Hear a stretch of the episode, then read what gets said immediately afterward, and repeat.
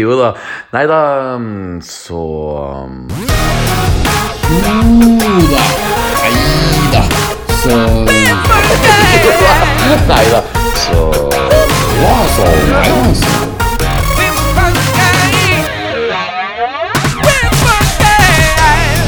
Jo da. Nei da, så Jo da. Nei da. Så Jo da. Nei da. Mine damer og alle dere andre. Hjertelig velkommen til episode 21 av vår superfunky Star Wars-podkast Yoda Neida så I dag så skal vi snakke om den eneste Star Wars-filmen i historien som faktisk tapte penger når den gikk på kino. Så det, så det er en stor sjanse for at akkurat denne filmen kan ende opp med å bli en såkalt kultfilm. Jeg snakker altså om filmen Solo fra 2018. Mitt navn er Petter Aagaard. En ganske happy trønder som gleder seg helt vanvittig til i morgen, altså fredag 5. mars. Fordi apropos kultfilm, nå på fredag så skal jeg sjekke ut oppfølgeren til verdens beste film. Eddie Murphys 'Coming to America'. Oh lord. Ok, Beklager, en liten digresjon der, eh, som det er fare for at det kommer til å bli mange av i dag. I alle fall, ved min side så har jeg som alltid med meg The Intergalactic Podcast Partner in Cyberspace Crime, Mr. Piano Man going viral on YouTube and shit, Mr. Knut Løksen. Liker du kult? ja, det var en referanse til filmen Solo, det. Ja, det er mye. Det, det, er, eh, det er jo måten eh, altså Han Solo og Chewbacca møter hverandre på. Den er jo litt eh, underlig. Den er, det var det noen som kom på, på på settet der og da, tror jeg. Men Ja, ja, eh, en ellers ganske lettfornøyelig film. eh, Det er, det er lett å like Solo. Eh. Ellers så går det veldig bra med meg. Eh. Så eh, gleder meg veldig til å snakke om Solo, en film som som eh, jeg tror mange liker. Det er ikke så mange som snakker om Solo. Du har jo selvfølgelig den derre hashtag Det kan være bekymringsverdig, da. At ingen snakker om det. kan også Jo, være bekymringsverdig. Men det eksisterer, det eksisterer jo en sånn, en sånn movement, eh, en sånn uh, Make Solo 2 happen eller noe sånt. Da. Det Ja, finnes en sånn ja. internettkampanje. Det, er, så det, det, det eksisterer fans uh, av solofilmen, det, det er ikke noe tvil om. Men, men det er allikevel en film jeg føler at det er få som snakker om, men få som misliker òg. Så det er en litt, sånn, en litt underlig kapittel i Star Wars-historien. På, på en måte lik eh, brusen Solo. ja, veldig anonym. ja. Nei da. Vi skal nå um, snakke om en eh, soloartist også, fordi vi har som alltid med oss en spennende gjest i vår podkast. Og dagens gjest, han er en skuespiller, filmprodusent og regissør. Du har helt sikkert sett den i TV-serier som eh, Jul i Blodfjell, Kollektivet og ikke minst Thomas Giertsens Helt perfekt. Og så har du også kanskje sett den i filmer som Kill Buljo 2, Reprise, Tomme tønner og Kurt Josef Vagle. En fyr som faktisk ofte blir kasta som en harry eller snobbete trønder. Men spørsmålet vi lurer på i dag, er jo så klart er han en harry eller snobbete Wars-fan? Det skal vi finne ut av. Mine damer og herrer, ta vel imot Mr. Ivar Lykke! Hello there. Careful not to choke on your aspirations, Ivar Lykke. Velkommen, Ivar. Tusen takk. Kan jeg snakke nå? Ja, Nå er det klart. Nå er det Nå har jeg snakka nok. Ja. Ok. Nei, eh, ja. Mm. Tusen takk. Er Veldig hyggelig å få være med på det her. Ja. Var introduksjonen din eh, godkjent? Kjempefint. Tusen takk. Veldig, veldig bra. Jeg må, jeg må jo egentlig starte med et spørsmål eh, som handler litt om min introduksjon. Jeg nevnte jo at du var med i eh, Thomas Giertsen sin Helt perfekt. Og den episoden som du var med på, den er jo ganske fersk. Har ikke den akkurat gått på TV-en, eller at den kommer snart på TV-en? Hvordan er det der igjen? For den, den har gått på streaming. Ja. Mm. Den er, ligger vel på Discovery, og så kommer den, på, kommer den vel snart nå på, Ja. TV, på vanlig lineær-TV. Ikke sant? Så um, ja. Lineær-TV, ja. ja, eller hva, kommer, hva, hva heter det? Kommer på TV-en. Ja. ja. På TV-en. På en Ja. skjerm nær deg. Jeg visste ikke at Ja. lineær-TV nesten fantes lenger. Jeg har, ikke, jeg har, glemt, eh, jeg har glemt hva det er. Nei, sport, Ja. er lineær, sport er det eneste som er lineært for meg, egentlig. Ikke sant. Men eh, Ivar, det er jo også en eh, Tenker på den Helt perfekt-serien som du var med på. Det, det er jo en norsk versjon av curb your enthusiasm-ish type humor. Eh, hvordan var den opplevelsen sammenligna med andre ting du har gjort som skuespiller? Det var, nei, det var en fantastisk morsom opplevelse, syns jeg, å få spille med Thomas Gjertsen og Ine Jansen og, og diverse. Uh, ja, han, det, det, var jo mye improvisasjon. Da. Det var ikke noe skrevet uh, manus med replikker og sånn. Vi fant jo på der og da, egentlig.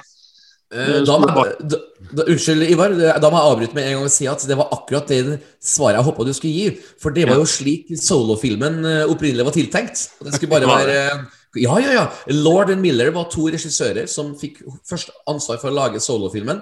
Og de baserte hele manuskriptet til Lawrence og Jonathan Casson på at her skal vi ha teatersport, vi skal improvisere humor. Så egentlig, av den grunn så er du den perfekte gjest, for du har nemlig gjort akkurat det her med Thomas Mm. Så, så unnskyld at jeg avbrøt, men ja, hvordan var den prosessen? Nesten null manuskript, og så må dere bare finne på morsomme Mm. replikker på settet? Er det sånn det fungerer? Ja, absolutt. Du har jo da et skrevet um, um, en uh, liten altså det er jo skrevet, Historien er jo skrevet på forhånd, uh, hvor, hva som skal med. uh, men uh, replikkene finner vi på der og da. Wow. Så det var, nei, det var en uh, morsom utfordring. Og Ja. det, det ble en veldig fin episode. da. Det ble en ja, en gøyal episode. Mm. Hvis jeg skal, kan si det selv.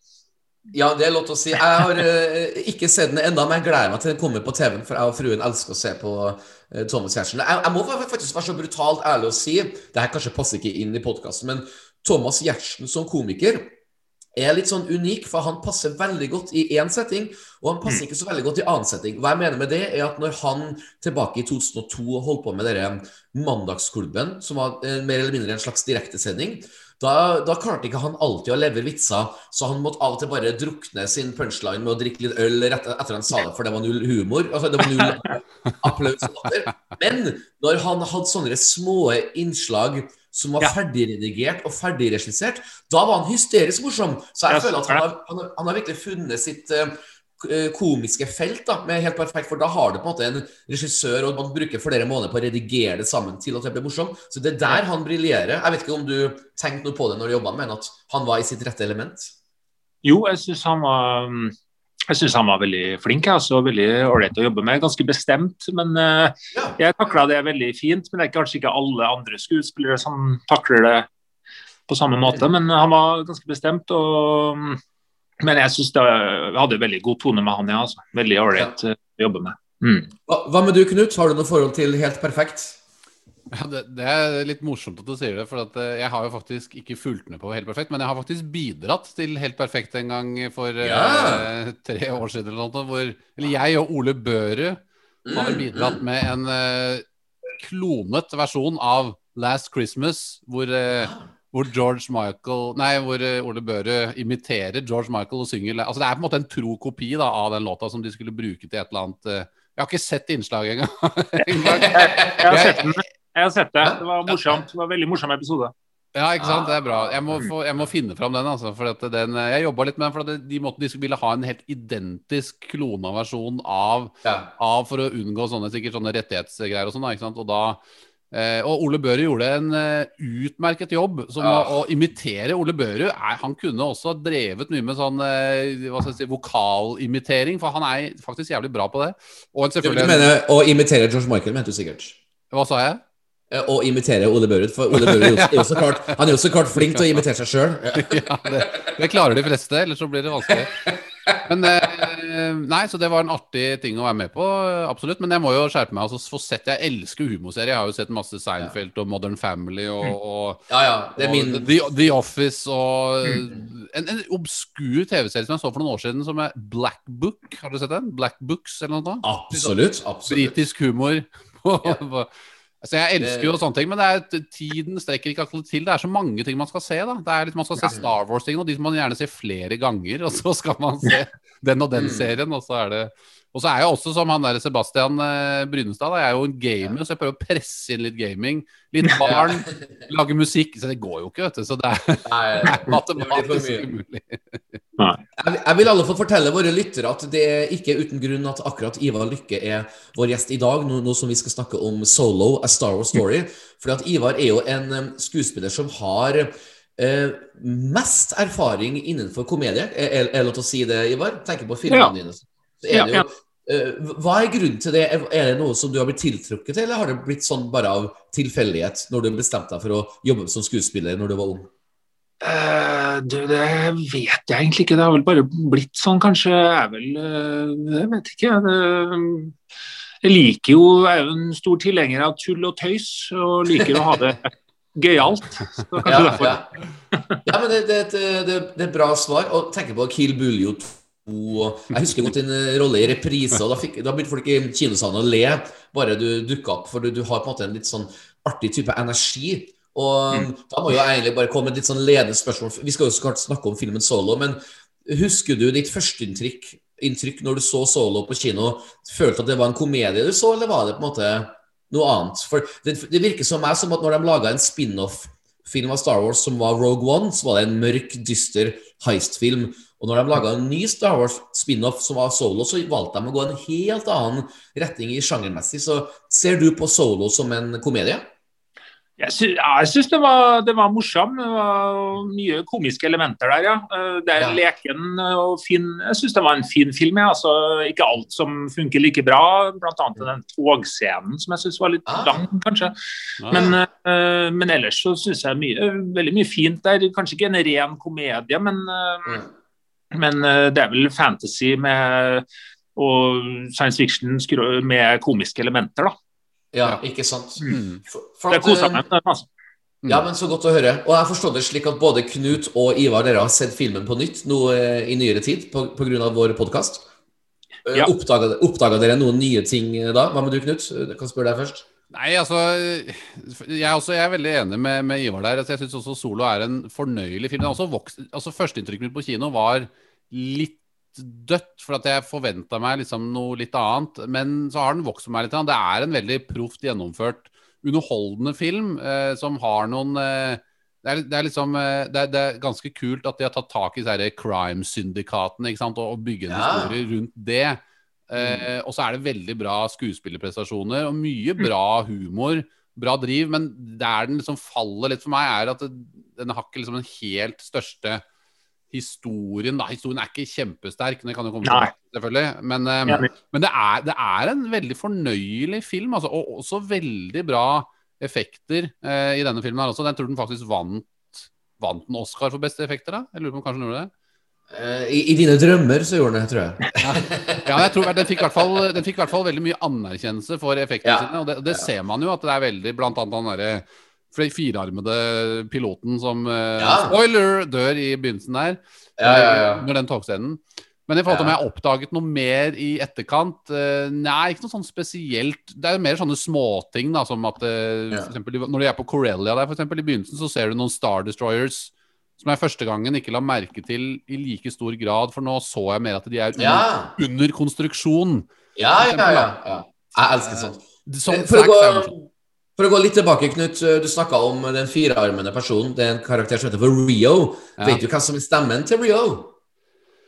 Nei, det husker jeg faktisk ikke. Det er, hold deg fast, John Favreau. Det er det, ja. ja ikke sant? Ja, ja, ja. Altså mannen bak The Mandalorian-produksjonen.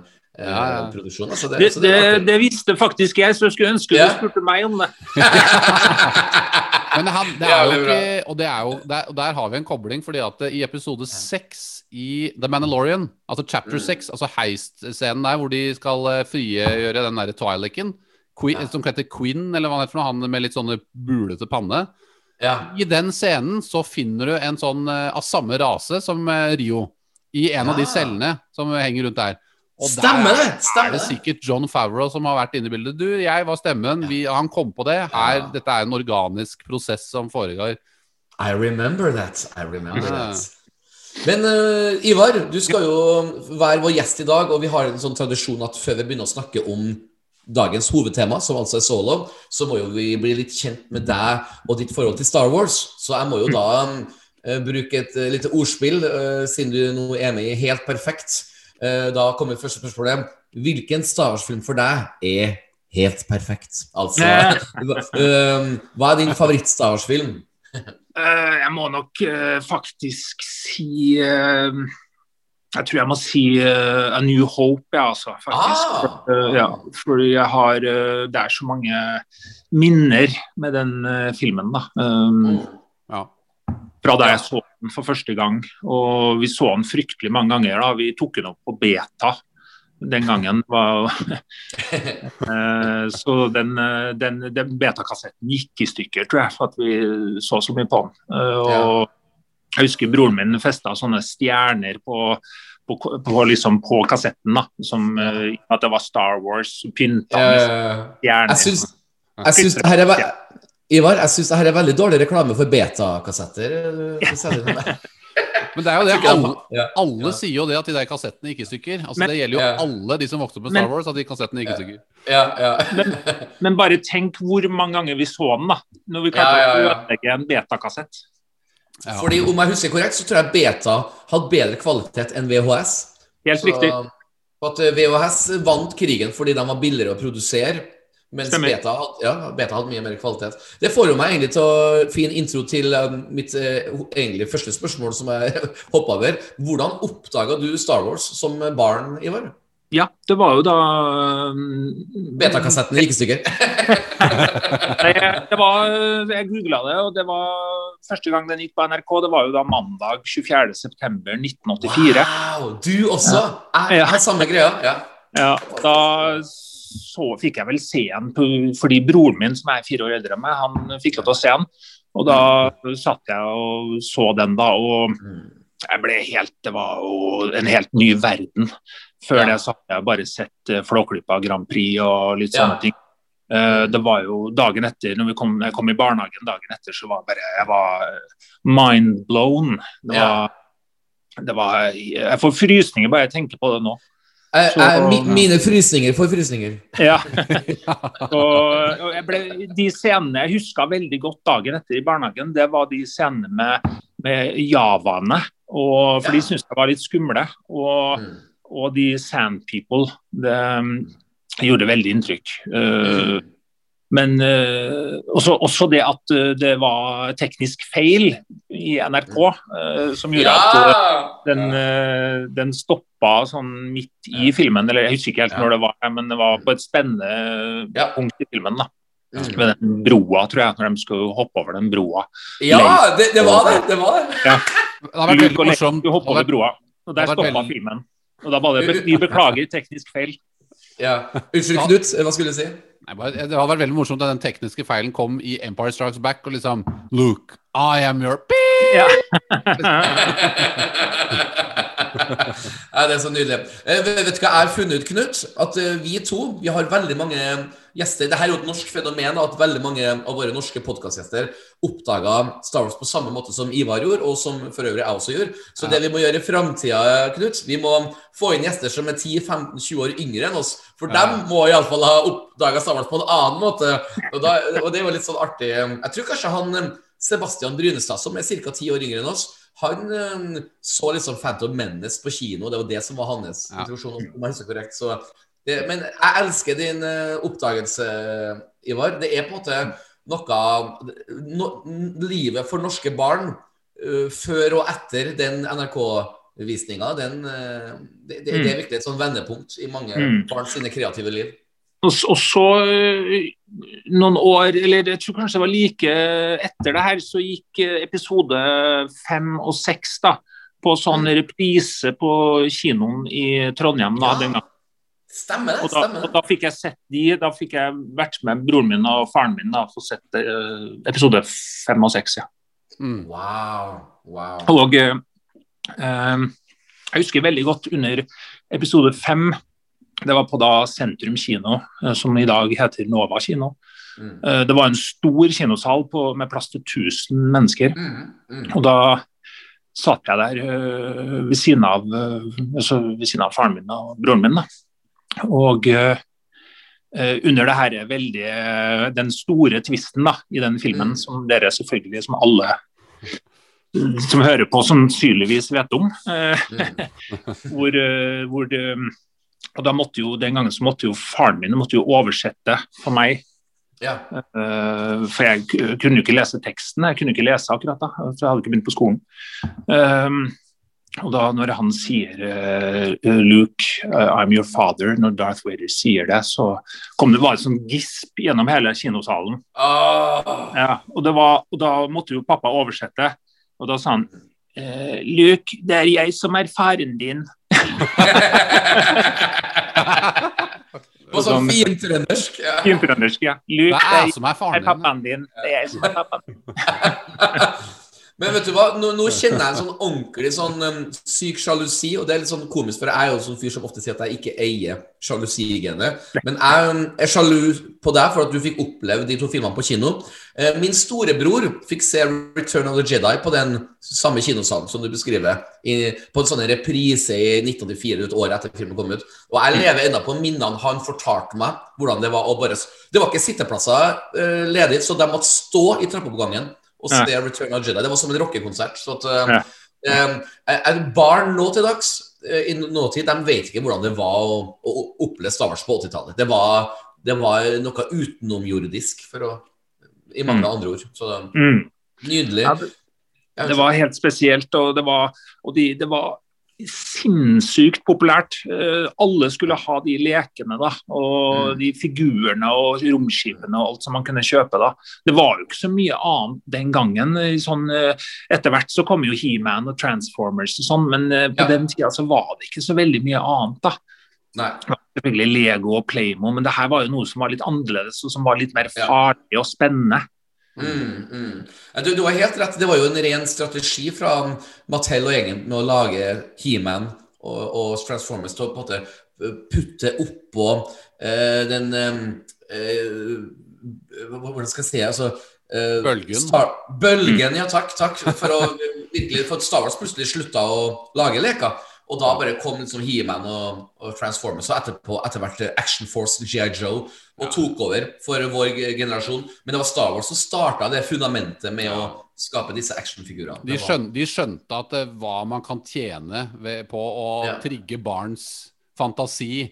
Ikke Mm. sant? Det, og det er morsomt som Ivar sier med, med A New Hope, hvordan den det er, det er for meg også den Det er nesten det jeg husker best kanskje av mitt minne fra når jeg så de Jeg var jo litt seinere ute, for jeg er litt yngre enn dere. Er ikke så mye yngre, da, men eh, litt jeg er yngre enn deg, Petter, i hvert fall. ja. To år. Ja. Men, eh, men i hvert fall, det jeg husker jo best liksom The Trench Run, for eksempel, da, i Mm. slutten av New Hope, og når Obi-Wan sier 'use the force, Luke'. Eh, Mm. Den der, den blandingen av For at når, når Obi-Wan sier 'use the force', så er det på en måte både blanding av liksom på en måte science fiction, de er i romskip, det er The Death Star, men så har du det der religionaspektet Mm. sagt av et force ghost, liksom. Ingen hadde Mm. gjort det på den måten før, og, og det, det trigga meg voldsomt, da, den kombinasjonen av fantasy og, og science fiction. Og, Ja. A New Hope, Det er derfor jeg aldri klarer helt å bestemme er favorittfilmen min Empire Strikes Back eller er det A New Hope. Det, Mm. liksom, Empire Strikes Back har, er jo en, har en, liksom, en jevnere, høyere kvalitet, kanskje, men, men Mm. New Hope har bare en sånn Det er noen yeah. fantastiske minner og noen fantastiske ting de fikk til med den filmen, som bare er yeah. som aldri noe kan erstatte. Og så er det litt eh, sånn at eh, det er der eventyret starter, tenker jeg da. Ja, det er jo det. Sånn følte jeg det. For min del så var det der, det var første filmen jeg så, og det var jo den første filmen som kom. Jeg Ja, føler at det var mm, eventyret starter, da. Mm. Jeg liker også, jeg liker også veldig godt uh, episode fem. da. Jeg syns jo den er, den er jo feilfri. Den er jo Mm. svært, svært bra. Ja. Mm. Mm. Og da er det jo monumentalt også å få stabla A New Hope på beina. ikke sant? Vi må gi Mm. creds til George Lucas for at han Ja. han gjorde det der. Han fikk jo nesten hjerteinfarkt av å gjennom den der Ja. Så det er jo ikke lett å selge inn et sånt prosjekt, i hvert fall ikke på den tiden sikkert, eh, hvor, det er, eh, hvor det ikke var så mye sånne type filmer. da. Eh, Du hadde Flash Gordon, eller den kom kanskje i 1980, eller Nei, var det? Ja, Ja. ja, rundt samme tid. Ja, Men det er ja. veldig interessant du sier, Knut Josh George Lucas i 1976, når han spilte filmen, her, opplevde veldig mye motgang både fra produsenter og fra crewet, så han fikk sikkert en sånn en fuck you-attitude. Nå skal jeg battle meg prøve å få det til. Så at, Ja, ja. eh, Det, det, det, det er nesten mer sjel i A New Hope enn i Empire Strikes Back, så jeg, jeg støtter er. Ivar på det. Det er det. Mm. Neste spørsmål, Ivar. Hva Ja. er din favorittkarakter i Star Wars-universet? Nei, altså det forandrer seg jo stadig vekk, da. Men jeg, da jeg var liten, så likte jeg veldig godt uh, Boba Fett. Jeg syns jo yeah. bare det hele hvordan han så ut uh, Han var jo litt sånn skummel, og vans i begynnelsen så var liksom visste man jo ikke helt I hvert fall på den tida så skjønte jeg jo ikke alt, da. Og da tenkte jeg er han eh, snill han her, eller er han slem, Ja. eller hva? Liksom. Herlig. Ja. Så, så han likte jeg veldig godt den gangen. Og, men eh, jeg syns jo kanskje Ja, jeg syns kanskje han Solo er eh, Jeg tror kanskje han er en av mine favoritter, da, eh, egentlig. Sånn. Men det forandrer seg hele tida, det her, da. Jeg Ja. syns jo han Men- Solo er definitivt den kuleste karakteren, da. Ja. Da, da må jeg komme med et lite tilleggsspørsmål. Synes du at Han Solo er såpass kul at han fortjener en egen spin-off-film? Ja, det syns jeg absolutt. Så, så bra. Og Og så Ja, exactly, exactly. Det var det som var ledende. Et eh, siste spørsmål um, før vi egentlig fortsetter um, vår podkastprat. Har du noe favorittsitat fra Star Wars-universet? Det er eh, stadig vekk eh, Det forandrer seg jo stadig vekk, det også. Men Mm. eh, det er Jeg liker veldig godt, eh, og det tenker jeg ofte på. I mitt eh, eget eh, liv og virke så tenker jeg ofte på 'stay on target'. Knut, hva synes du om det sitatet? Ja, Det er, det, er, det er jo det motsatte av det vi er i den podkasten her. Stay on target. Ja. Men, eh, men eh, jeg har et nytt favorittsitat, og det er eller ikke favoritt, Ja. men det er i hvert fall, den, den dukka opp igjen her i dag. Av, apropos nye ting jeg har oppdaget i Solo, og det er dette sitatet her. Når, eh, det er jo når han Solo møter Chewbacca, når han sier You tired Are you tired, you mangy kashykin moof milker? Er Ja, du, det- trøtt, er du trøtt, din skabbete kasjuken moof-melke? Altså, Ja. Moof er jo en slags kyrlignende Ja. vesen i Star Wars. Ja, ja, ja. ja. det, det var vakkert. Det, jeg må ærlig det har jeg ikke klart å huske på gjengitt så tydelig som du gjorde nå. Skulle nesten tro at du leste det fra en skjerm eller noe sånt. Ja, Jeg har notert det ned, selvfølgelig. Det, ellers hadde jeg ikke klart å huske det. Eller jeg hadde, klart- jeg hadde, klart hadde ikke klart å gjengi det så ufattelig bra som jeg gjorde nå. Ja, ja, ja, ikke sant. ikke sant Ivar, unnskyld. Et annet morsomt uh, sitat synes jeg fra uh, Han Solo-filmen, det var når eh, eh, det er, det er brann om bord på den herre uh, Millennium Falcon. Og Ja. så prøver hun, jeg husker ikke hva hun heter, hun dama, men hun prøver å slukke det med en av kappene til Lando. Ja. Og hvor, Ja. hvor han sier at 'no, it's a custom thing'. Ja. custom made, liksom. Bra. Da lo jeg høyt. Det var veldig gøy. Apropos å, apropos å le høyt, Ivar. Nå skal vi faktisk over til en avdeling i vår podkast som du ikke er forberedt på. Jeg har helt bevisst ikke fortalt om det her, for det her er nemlig en sånn en spontanspørrerunde som vi kaller for pinnekjøtt eller ribbe. Det handler rett og slett om at nå skal jeg stille deg noen spørsmål, og jeg skal si f.eks. pinnekjøtt eller ribbe, og da må du svare liksom hva du foretrekker av pinnekjøtt eller ribbe. Og hvis du har et behov for å forklare eh, mer i detalj, så skal du få lov til det. Så Knut Løksen, spin that uh, music. And now we will play the Yoda Nada So quiz. er, du klar, er du klar, Ivar? Mm. Eh, har du noen gang hørt på vår podkast så langt uti at du har fått med vår, vårt pinne, pinnekjøtt- eller ribbesegment? Eh, nei, jeg har hørt uh, Jeg har hørt litt innimellom. Jeg har hørt Du har litt- hørt, vignett, du har hørt vignetten. Ja. Nei da, Ivar, jeg skal ikke sette deg med på pinnebenken. Det er noen enkle spørsmål, og du skal bare svare enkelt eller komplisert. Det bestemmer du helt sjøl. Første spørsmålet er Ivar, eh, pinnekjøtt eller ribbe? ribbe. Mm, ekte trønder, vet du. Det er en trøndersk greie, tror jeg. Eh, rødt eple eller grønt eple? Rødt. Interessant. Pepsi eller Coca-Cola? Pepsi. Wow. Ja, altså det, det, det er en slags personlighetstest. skjønner du? Vi kommer til å finne ut hvilken person du er etter den testen. her, skjønner du. Um, Star Wars eller Ringenes herre? Star Wars. Definitivt. Batman eller Superman? Nei, det hørte jeg ikke helt. Eh, Batman eller Superman? Supermann. Oh, that's a first. That's a That's a first. That is actually a first. Wow. Han Solo eller Indiana Jones? Å, den er vanskelig. Ja, det sier alle sammen. That's not a first. Ja. Alle- Nei, det må, det, må, det må nok bli han solo, det òg. Wow. wow, wow. Ok, nå kommer et musikkspørsmål. The Police eller Sting? Ah, Sting eller Police? Det, er- Eh, jeg vet ikke. Det, det, det Police. Police. Mm. Ja, ja. Bård og Harald eller Thomas og Harald? Eh, Bård og Harald. Jeg, jeg er så glad for at du svarte. Hadde du svart det motsatte, så hadde vi bare avslutta podkasten nå og kasta deg ut med en gang. ok, du er jo trønder, så neste spørsmål kan bli litt sånn eh, ambivalent. Eh, DDE eller Ole Ivars? Eh, er. Eh, Michael Jackson eller Prince? Michael Jackson har jeg litt anstrengt forhold til, så det må bli prins. Hva, hva Er det noe med musikken til Michael Jackson du ikke liker, eller? Musikken er grei, og den er fin, Ja. men uh, Ja. Ja. Vi, vi, skal la det ligge. Vi skal la det ligge. Neste spørsmål er litt artig. Mange som grubler på det her.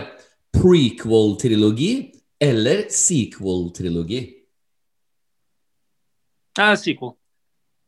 Oi, ok. Ja, ja. Hytte på fjellet eller hytte ved sjøen? Du, nå, sorry, du, prequel, nå tenker dere tenker, Sorry, nå ble jeg litt så Ja. Eh, Er det er episode 1, 2, 3, ikke sant? ja, så det spørsmålet er altså episode 1, 2, 3 eller episode 7, 8 og 9? Da er det 7, 8 og 9. Ja, ja. Eh, hytte på fjellet eller 7, 8 og 9? Nei, jeg tuller bare med Hytte på fjellet eller hytte ved sjøen? uh, hytte på Kashyyyk. det, det blir på Ja. sjøen. På sjøen. Hytte på sjøen, ja.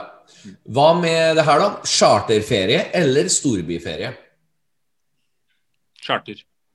Nei, faen, nei, dette er storby. er. Jeg syns begge deler er morsomt. Begge deler er morsomt. ja, ja. For, eh, som vår forrige gjest, han eh, likte um, storbyferien han, før han fikk barn, og etter han fikk barn, så likte han charterferie. Ja, enig. Veldig enig. Ja. Veldig. Ja. uh, Freia melkesjokolade eller Stratos? Nei, da må jeg, jo, jeg må jo si Stratos, da. Jeg er jo trønder, så må jeg jo si det. Mm. Folk flest sier Freia, faktisk. Ja. PC eller Mac? Mac. Ja. Kims eller Mårud? Mårud. Oasis eller Blur? Blur. Bra!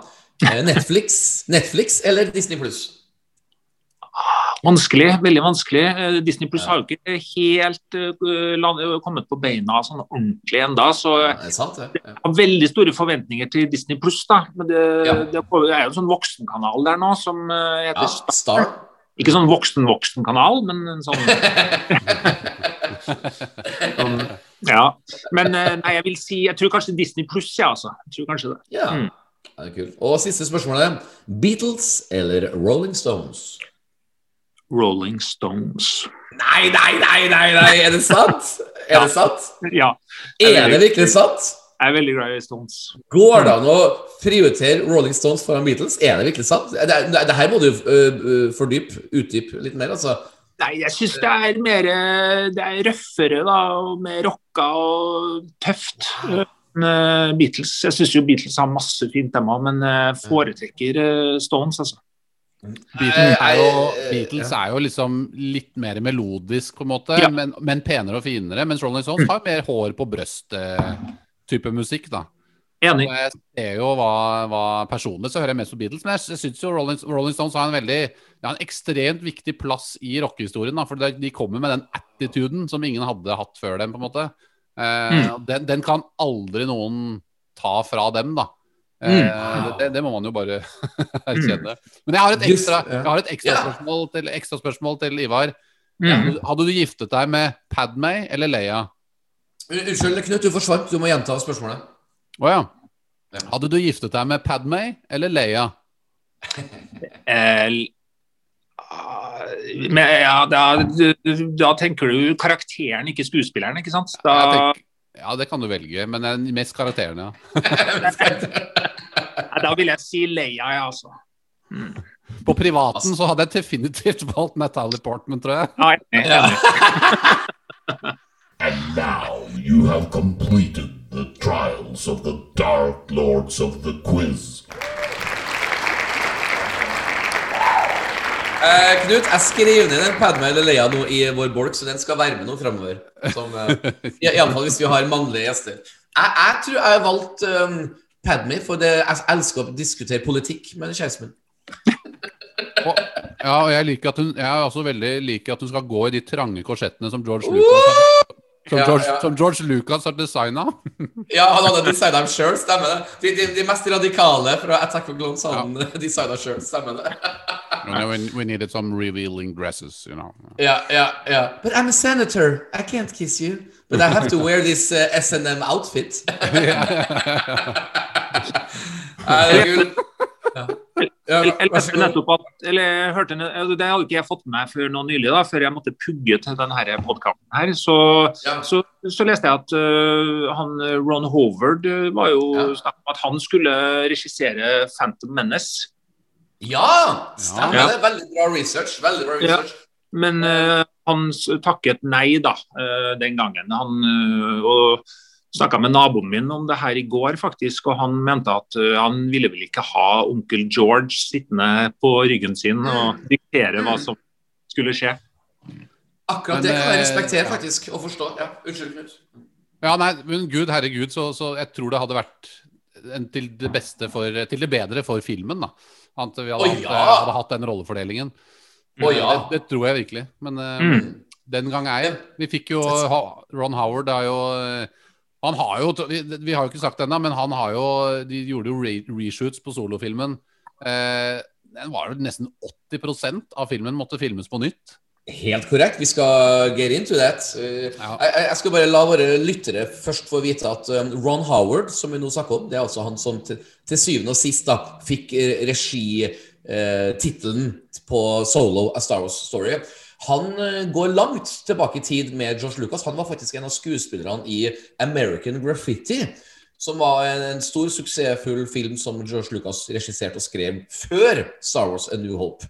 Så at, eh, og det var egentlig på de pengene han hadde budsjett til å lage Star Wars. Så Ron Howard eh, hadde også om jeg husker korrekt, regi på Willow, som var Josh Lucas produsert. Så at, Veldig bra. ja, ja, ja. En, en kultfilm, faktisk, for å si det rett ut.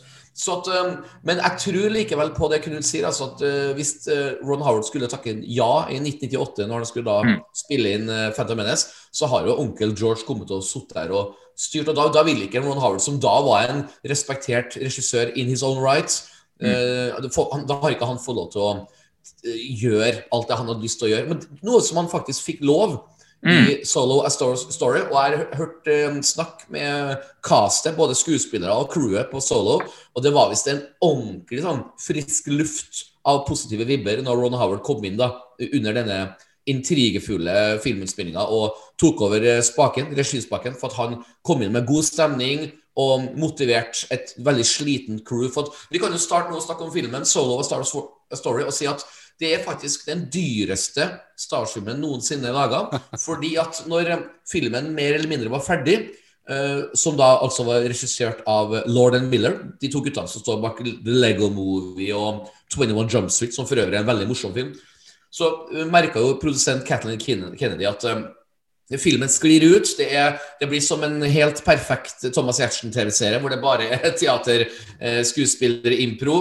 Og um, folk eh, i crewet følte at det ble mer og mer som en eh, Ace Ventura-lignende film. Hvor um, de ikke fulgte manuskriptet til Lawrence og sønnen Jonathan Caston. som hadde skrevet, Og det var dem sjøl, Lawrence, som kontakta Catlin Kenny. og vi må gjøre noe her. Så etter over tre måneder med innspillingen, så fikk de bare beskjed om å droppe alt. og slik det fungerer i USA, da, skal man da spille inn filmen på nytt nok til at Ron Howard får regitittelen, så må de spille inn over 80% av filmen på nytt. Så det er ganske slitne skuespillere. og Jeg kan ikke engang se for meg hvordan det har vært. Eh, Ivar, du har spilt i mange filmer. Hvordan er det på et, på et sett når det er tension og eh, folk er slitne? og Hvordan holder man motet oppe da? Kan du se for deg hvordan det har vært for dem? Nei, det der er jo Jeg har aldri vært med på noe så stort da, i nærheten engang. Men øh, nei, det må ha vært øh, forferdelig slitsomt, kan jeg tenke meg. Det er jo lange, lange dager i, når de spiller inn film i Hollywood. Så Mm. da Jeg vet ikke, nei. Det er vel øh, De må vel ta substanser, rett og slett, for å komme seg gjennom dagen. ja. Eh, Knut Løksen, føler du at det var et veldig safe choice å da la Ron Howard ta over eh, stafettpinnen? Ja, Vi må jo også nevne at Ron Howard er jo også faren til Bryce Dallas Howard, som jo har Yes, regissert sir. noen av episodene til Mandalorian. Gjorde en uh, flott innsats der. Så dette er jo dette Ja. er en, en familie, virker det som, som har føttene godt planta inn i, i filmverden. Eh, Knut, ja. eh, Knut, unnskyld avbryter. Du sa føttene godt planta. Eh, Bryce Styles Howard har jo også en, et talent på å springe veldig fort med høye hæler i Jurassic World. Jurassic World, ja, og litt sånn ja. Jeg trodde du skulle si. Jeg trodde du skulle si flotte At du kunne stå veldig godt på sine egne pupper, tror jeg du skulle si. det. eh, hun det Hun gjør jo det òg. Men, eh, men eh, ja, Ron Howard er et veldig Det er jo helt opplagt at de var i en krise. De Mm. måtte ha noe trygt. Og Ron, Ron Howard har jo et enormt resymé, og, og derfor så har han Jeg tror han Altså, de har liksom klart å lose i havn en film som kunne ha gått Ja. mye verre. Vi fikk jo aldri se hva dette Lorden Miller-konseptet ble, men det var visst helt Det var, som du sa innledningsvis, her, Petter, det var mye adlibs, det var mye improvisasjon, og det ble eh, Altså, hadde det blitt en sånn vi går for en vits hele tiden, så Ja. hadde det blitt en reinspikka komedie. Og det var nok det det var redde for, at det ble en 21 Drum Street eh, i, i, in space, holdt jeg på å si. da. Eh, altså, All creds til Lord Millie. Jeg har sett både 21 Drum Street og Lego. Det er kjempebra filmer. De er dritmorsomme. Mm. Eh, så det er ikke noe tvil om at de har talent og masse energi i det de gjør. Men eh, jeg syns de, de under omstendighetene så tror jeg de gjorde et veldig lurt valg. For det resultatet er jo Ja, det er jo noe trygt, men eh, det er jo likevel ganske mye Det jeg syns de nailer veldig i Star Wars Story, er, nei, Solo, er jo den, det, er, det er til tider veldig god Star Wars-stemning. Mye originale ideer. Liksom. Du kommer i den derre kantinen til eh, Eller den obligatoriske kantinescenen på, i det skipet til Dryden Voss, og så er det en sånn dame som står og synger, og så er det en sånn en sånn eh, Ser ut som en eh, sånn liten hjernehode inni en sånn syltekrukke som synger. Eh, litt sånne weirde ideer som putter meg inn i hva si, Star Wars-stemning, da. Eh, så Det er mye av det pepra utover i filmen. Jeg kan eh, komme med et spørsmål til deg, Ivar. og det er jo slik at når Du har nå blitt fortalt, fortalt av oss, og sikkert eh, lest selv ved, ved research, at eh, filmen var på vei til å bli en skikkelig eh, 21 Jump Street-ish komedie. Tror du da um, Litt ledende spørsmål, kanskje, men for Kathleen Kennedy, produsenten, fikk veldig mye ris og, og, og kjeft av Star Wars-fanatikere fordi at hun sparka Lauren Miller. Tror du at hun gjorde det rette? Jeg, jeg, jeg kan jo være så ledende og si at jeg er overbevist på at hun gjorde det rette, men du som skuespiller, tror, tror, tror du av og til at produsenter må um, Vi får jo aldri vidt svaret på det her, men hva, hva tror du? Ja, det tror jeg absolutt. Hun har jo sikkert enorm eh, erfaring. Da, og Ja, vet ja. jo hva som funker og hva som ikke funker. ikke sant? Og Ja. det visste jo sikkert de her casten, eh, far og sønn også. Mm, Så, så det, det tviler jeg ikke på i hele tatt. Men det hadde jo selvfølgelig vært morsomt å sett hva de kom opp med. Eh, Om det, Mm. det kommer sikkert aldri, men eh, da, om det kommer, så vil jeg veldig gjerne se det. Men Ja. eh, det, det var kanskje bare Det fun, funka Det var morsomt på sett, liksom, kanskje bare. Og funka ikke for et publikum. Nei, ikke sant, det er Mm. det. Man, man kan fort bli revet med av det som skjer der og da. Det kan jo sammenligne med, med selv når vi lager musikk, Petter. At liksom, Ja. man, Ja. Å, dette er fett, liksom. Og så får du det ut. Får nye musikere på. Og liksom, altså, nei, da var det ikke så bra likevel, liksom. Ja, er jo, det er, man er jo i prosess hele tiden. Og, men jeg, jeg undrer meg litt over at eh, For Kathleen Kennedy er jo en kjempemerittert produsent. Hun har jo gjort ekstremt mye bra ting. Men jeg undrer meg litt over at det, For det har vært veldig mye sånn regissørtull på Star Wars eh, under Disney-æraen. Jeg syns det er litt rart at hun ikke har klart å på en måte sikre seg de riktige regissørene i forkant, når det har skjedd flere ganger. da. For det skjedde jo på dette, dette er jo en mest graverende tilfellet, er jo akkurat Solo, da, men du hadde jo også det var tull på, på eh, Rogue One. Så, måtte, så var det også noe tull med han Gareth Edwards og osv. Så, videre, så, så skulle jo Josh Trank skulle regissere en film. Det var vel Ja. den Boba Fett-filmen, tror jeg. Ja. Eh, og det skjedde jo ikke, selv om han ble annonsert. Han kom vel ut på scenen til og med på eh, Disney Nei, hva heter det? Star Wars Celebration. Eh, Eller du, eh, unnskyld at jeg avbryter, men han, skulle komme ut på scenen Ja, det var det på. Star Wars Celebration, men så sendte en tweet hvor han sa at han lå hjemme og var syk, og Ja. to dager etterpå Ja. så ble det annonsert at han ikke lenger jobba for ja, det ham. var Så, sånn, ja. Ja. Og, Så var det jo og- tull med, med, med Rise of Skywalker, selvfølgelig. Som, eh, Ja. Hvor Colin Trevorrow skulle egentlig regissere. Og, ble, og så ble det JJ Abrams i, i stedet for. Og så, ja, det, det har vært liksom flere Og, sånne eh, enda, enda flere òg. Du har så klart um, disse Game of Thrones-produsentene som skulle ja. pro produsere en serie av Star Wars-filmer. De er også ute nå. Ja. Så, Mm. Så det, er, det har vært veldig mange annonseringer av mange regissører. Så har det, det, har utad så har det, har det sett litt rotete ut, da. Men Mm. jeg tror nok hun har jo selvfølgelig vært flink til å reparere ting, da. Selv om, bortsett fra Rise of Skywalker, som jeg ikke syns ble noe bra. Men, eh, men eh, ellers så har hun jo på en måte klart å, å lappe sammen ting. Og hun er jo også med på Mandalorian og, og Mm. Ja. så eh, alt har jo blitt stort sett veldig bra filmer, bortsett fra Rise of Skywalker. er den eneste jeg synes er dårlig, som jeg syns er dårlig av Disney-æraen, på en måte. Solo er faktisk enig. Det er jo stort sett veldig bra, egentlig. Mm. Da har jeg et spørsmål til deg, Ivar. Du som er Ja. skuespiller, og du digger karakteren Han Solo. Ja, jeg, mm. ja, altså Alden Ehrenreich, som eh, spiller altså Han Solo. Hva, hva Ja. synes du? Var det, eh, var det godkjent? Syns det var godkjent, ja. Så absolutt. Han syns han eh, gjør et uh, minneverdig eh, eh, stykke arbeid. Så nei, det var bra, det. Men eh, jeg syns jo ikke selvfølgelig like bra som Harrison Ford, men uh, det var, det var virkelig det var bra. Mm. Mm. Ja, det, er jeg, det er jeg enig i. Ja. Jeg er enig at Ja, jeg er enig i at det er old Altså, jeg kan jo si personlig, så før, når de annonserte en solofilm, så tenkte jeg ja, det var ikke det jeg var så veldig interessert Jeg var ikke så veldig interessert i en solofilm i utgangspunktet. Det var liksom andre ting Jeg hadde lyst på Obi-Wan Kenobi-filmen som de snakka om, som nå Mm. selvfølgelig da blir TV-serie isteden. Mm. Og, eh, men vi hadde akkurat hatt Force Awakens med Harrison Ford, og, og derfor så var det hans ikoniske rolle. Hadde liksom kommet tilbake, og så skulle vi få en solofilm med altså det, var, det var noe litt rotete med det. Jeg syns vi burde ha venta med solofilmen. Kanskje til litt seinere, for å liksom få litt avstand fra Force Awakens med Harrison Ford, muligens, da. Eh, Men, mm. men når det er sagt, så er jo, så er jo prestasjonen til Olden Ehrenreich er jo veldig bra. Eh, og han nei, altså, det, man, det er jo ikke Harrison Ford, men han, han, han har liksom uh, timing. Han har en veldig fin timing, veldig bra, veldig fin karisma. Eh, ut, altså Måten han fysisk utfolder seg på, er veldig kult. og Han, så jeg synes, Under omstendighetene så gjør han tror nesten det beste han kunne ha gjort, og det ble også en bra greie. Selv om jeg føler at eh, ja, solofilm er ikke det liksom som står øverst på min liste, men eh, resultatet ble ble bra. Eh, Ja. eh, Spesielt da av eh, Elroy. Jeg må også nevne at eh, når jeg kom på nå, at eh, Obi-Wan-serien Eller det kan vi, vi tar det senere. vi. Ja. Jeg, jeg, kan fortelle dere at uh, det sto mellom to skuespillere til å få rollen som Han Solo. Det var altså Olden Ehrenreich, og vet du hvem den andre personen det sto mellom? Det var vel Det var- han fra Transformers, var det ikke det? Han derre Nei, det, um, Nei, i- ikke alle fall- Ikke Var det Shia LaBeouf, men han, Var- eh, han Ja, uh, Ivar, du ville gjette?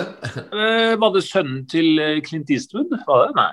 Få snakke om det, i hvert fall. Det, det, det, det er veldig bra gjetta. Og det er, altså det, det, det er egentlig tre da, det sto mellom. Og det var sønnen til Clint Eastwood, akkurat som Ivar sa. Og så var det faktisk Taron Egerton, han som hadde hovedrollen i Kingsman. Ja. Og som spilte. Elton John og slike ting. Mm. Og jeg husker når jeg, når jeg hørte om at Taron var, var på siste runden på audition, tenkte jeg wow, det kunne faktisk ha blitt eh, bra. Men det, det han følte, var at han Taron Egerton begynte å bli så veldig stor og kjent in his own right, så det var kanskje safere å satse på et litt mer ukjent fjes, så det ikke ble en Taron Egerton-movie, men at det ble en solo-movie, hvis dere forstår hva jeg mener. Så Ja. jeg, jeg tror de endte opp med en uh, bra løsning. Også i, i tydeligvis så var, gjorde han Olden Ehrenreich en jævlig bra humor-audition, hvor de bare måtte mm. lese seg i hjel, og det, og det Ja. De måtte visstnok inn med en coach, faktisk, til Ja! Olden Ehrenreich. De hadde en sånn, Ja. eh, sånn actor-coach som var inne og, og jeg, husker, jeg husker ikke om det var før Lorden Miller fikk fyken, eller om det var etterpå. Jeg lurer på om det var etterpå, for Mm. å liksom eh, heve dette, denne prestasjonen. Altså det, det har jo tydeligvis sikkert hjulpet litt. Rann, da. Men Mm. Ja. eh, Olden er jo Han, han uh, slo vel gjennom med en sånn um, de, Hva heter disse uh, Cohen-brødrene-filmen som ikke slo så godt an, som kom ut før Ah. solo. En sånn uh, Hail Caesar, Hail Caesar, var det ikke? Ja, Hail Caesar, da. Den, jeg har Ja, Ja, ja, ja. Ja. ja. Ja. Han var veldig artig. han har hovedrollen her og var veldig bra i den, så han eh, fikk da var sånn han fikk muligheten. Jeg husker på det. Han var utrolig morsom i den filmen. Det var Mm. Men, men eh, sånn, eh, når det gjelder sånn coach, da, så har jeg hørt at eh, Kanskje jeg tar feil, men, men i Hollywood så er det visst det ganske vanlig da, at de får inn sånne coacher på alle mulige prosjekter. da. Mm. Jeg, jeg vil gjerne støtte Ivar på det han nettopp sa. for at, Som kanskje noen av våre lyttere har fått med seg, så har jo jeg en teaterbakgrunn. Jeg har liksom jobba av og på på teater i over ti år. Og når jeg jobba på Det Norske Teatret i 2002, så hadde jeg en av hovedrollene i 'Drømmen om Narnia'. Og da ble jeg den eneste som ble kalt inn til sånn ekstra møte med regissøren for å få en coach. For at jeg som trønder snakka dårligere nynorsk enn eh, disse Stavanger-ansatte skuespillerne som eh, jeg jobba sammen med. De hadde de naila nynorsken, for de hadde snakka nynorsk hele sitt liv. Og da fikk jeg en sånn ei voksen dame som het Birgitte. Og da måtte jeg liksom møte opp to timer før hver eneste eh, teatertime, altså teaterøvelse, og eh, kjøre de, mine replikker da med hun. Og det hjalp meg, og jeg følte aldri at det skulle være noe negativt. Så når jeg fikk lest det på internett at Alden Aaron Rock fikk liksom kursing, så that's normal, akkurat som Ja, Ivar ja, sier. ja. Det er normalt at man um, Alle har sine svakheter. Min, min største svakhet er at jeg er trønder. og da, da, må jeg, da må jeg jobbe med det. For på det norske teatret så må man snakke nynorsk. Det er liksom regel. Nynorsk eller uh, nynorsk-ish dialekt. Så at, uh, jeg støtter Ivar på det, altså. Ja.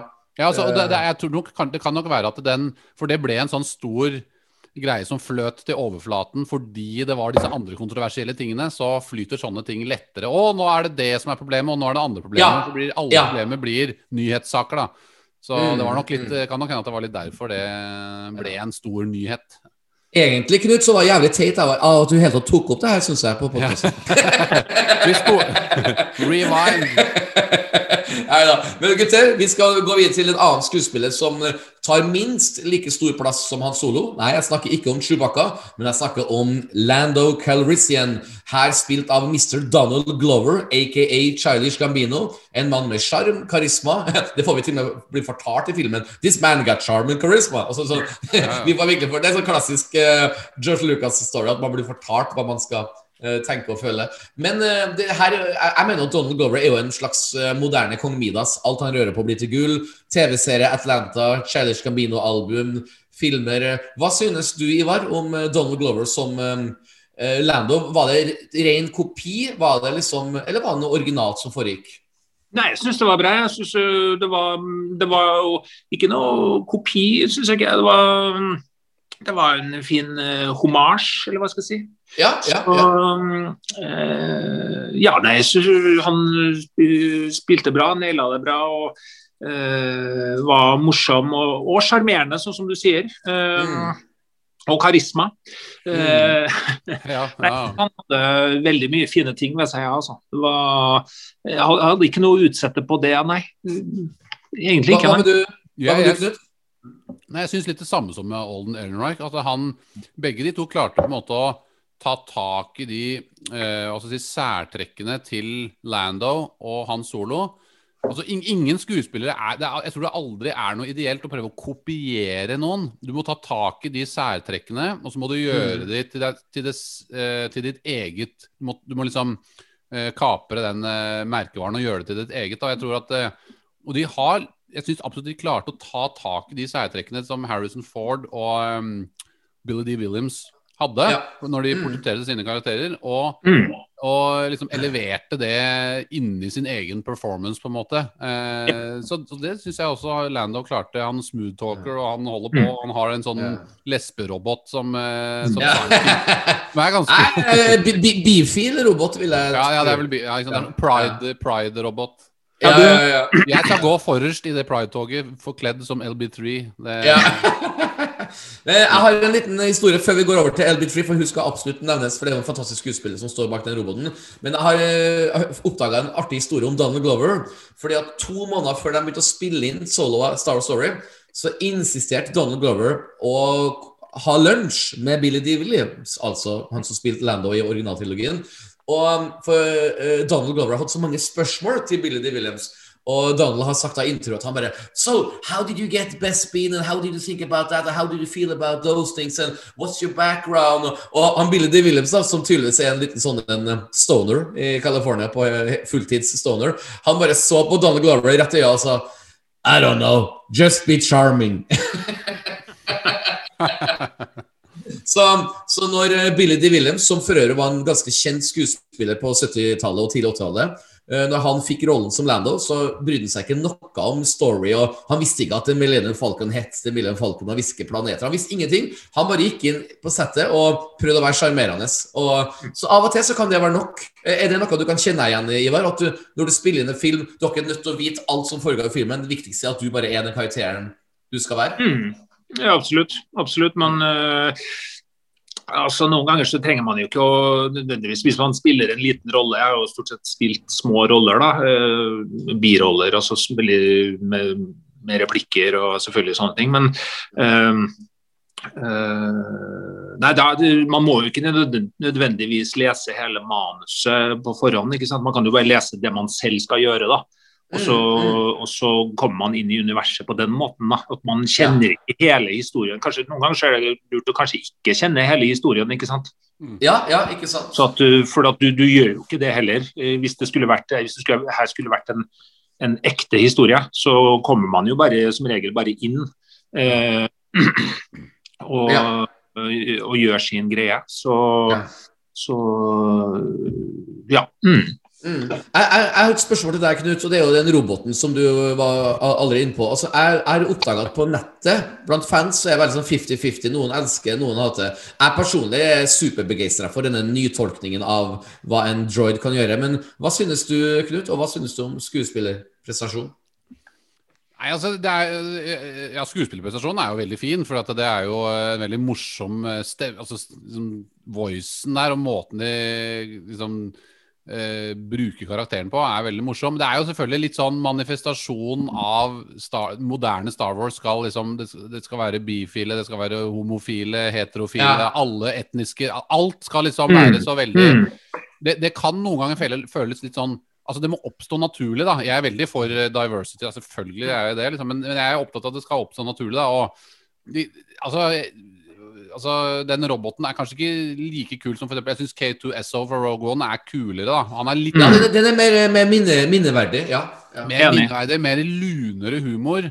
Og så mm. er jo også litt mer sånn Den gjør jo litt mer heltedådsting. da. De tuller jo veldig mye med L3. Det er jo ikke sant, er Liberate the droids det er, Mm, ja. de, de drar tullet kanskje litt langt, men allikevel, så, så når, når den dør, da eh, Spoiler. Eller Ja. den dør egentlig ikke, Ja. da, for at de kopierer jo minnet hennes over i Millennium She's- Falcon. Så hun She's a, part of the, she's a part of the ship now. Ja. og det er hun jo da I kanon så er jo da L3 er jo på en måte forever living. da Hun er jo med i Ja, L3 er jo med i Rise of Skywalker, hun er med i Force Awakens, hun er med i Originaltrilogien. Ja. Eh, sånn at eh, Nei, jeg syns, eh, jeg syns det er en helt ok Eller jeg, jeg er absolutt på plussiden på L3, Mm. men Ja. ikke min favoritt-droid. Altså, det, det er ikke det, men det, det er et morsomt konsept med at hun er liksom liberated droids og og det Mm. blir Phil Robot og, og sånne ting. Men yeah. det blir jo en litt sånn mer tullekarakter, da, kanskje. Ja. Jeg må spørre deg, Ivar. Hun som spiller L337, det er jo Phoebe Waller-Bridge, som er en veldig kjent uh, britisk komiker som har sitt eget show i England som er superpopulært. Uh, Og Følte du at hun hadde bra kjemi sammen med Lando? For, uh, det, det, hun hinter jo til og med at de har sex sammen. It works. Don't think about it. It just works. Jeg er jo litt enig med det Knut sier, da. Det kan bli litt vel mye av eh, eh, diversity, eller hva skal jeg si. Også, Ja. Men eh, eh, nei, jeg syns det var artig også, da. Det var jo lekent og tullete. Og de tulla jo litt med det òg, kanskje. De tulla jo litt Ja. med at eh, alt skal være så politisk. Det var Jeg vet ikke, jeg syns det var jeg synes det funka på Men ikke alt. Det ble litt, kanskje litt mye. ja. Altså, men etter hvert utover, når det, når det liksom tok av med sånn opprør De her robotene som gjorde opprør, da. Jeg syns Ja. det var jeg synes jo det var artig. Ja. Lo av det, altså. Veldig Star Wars-ish. Ja. Ja. Ja.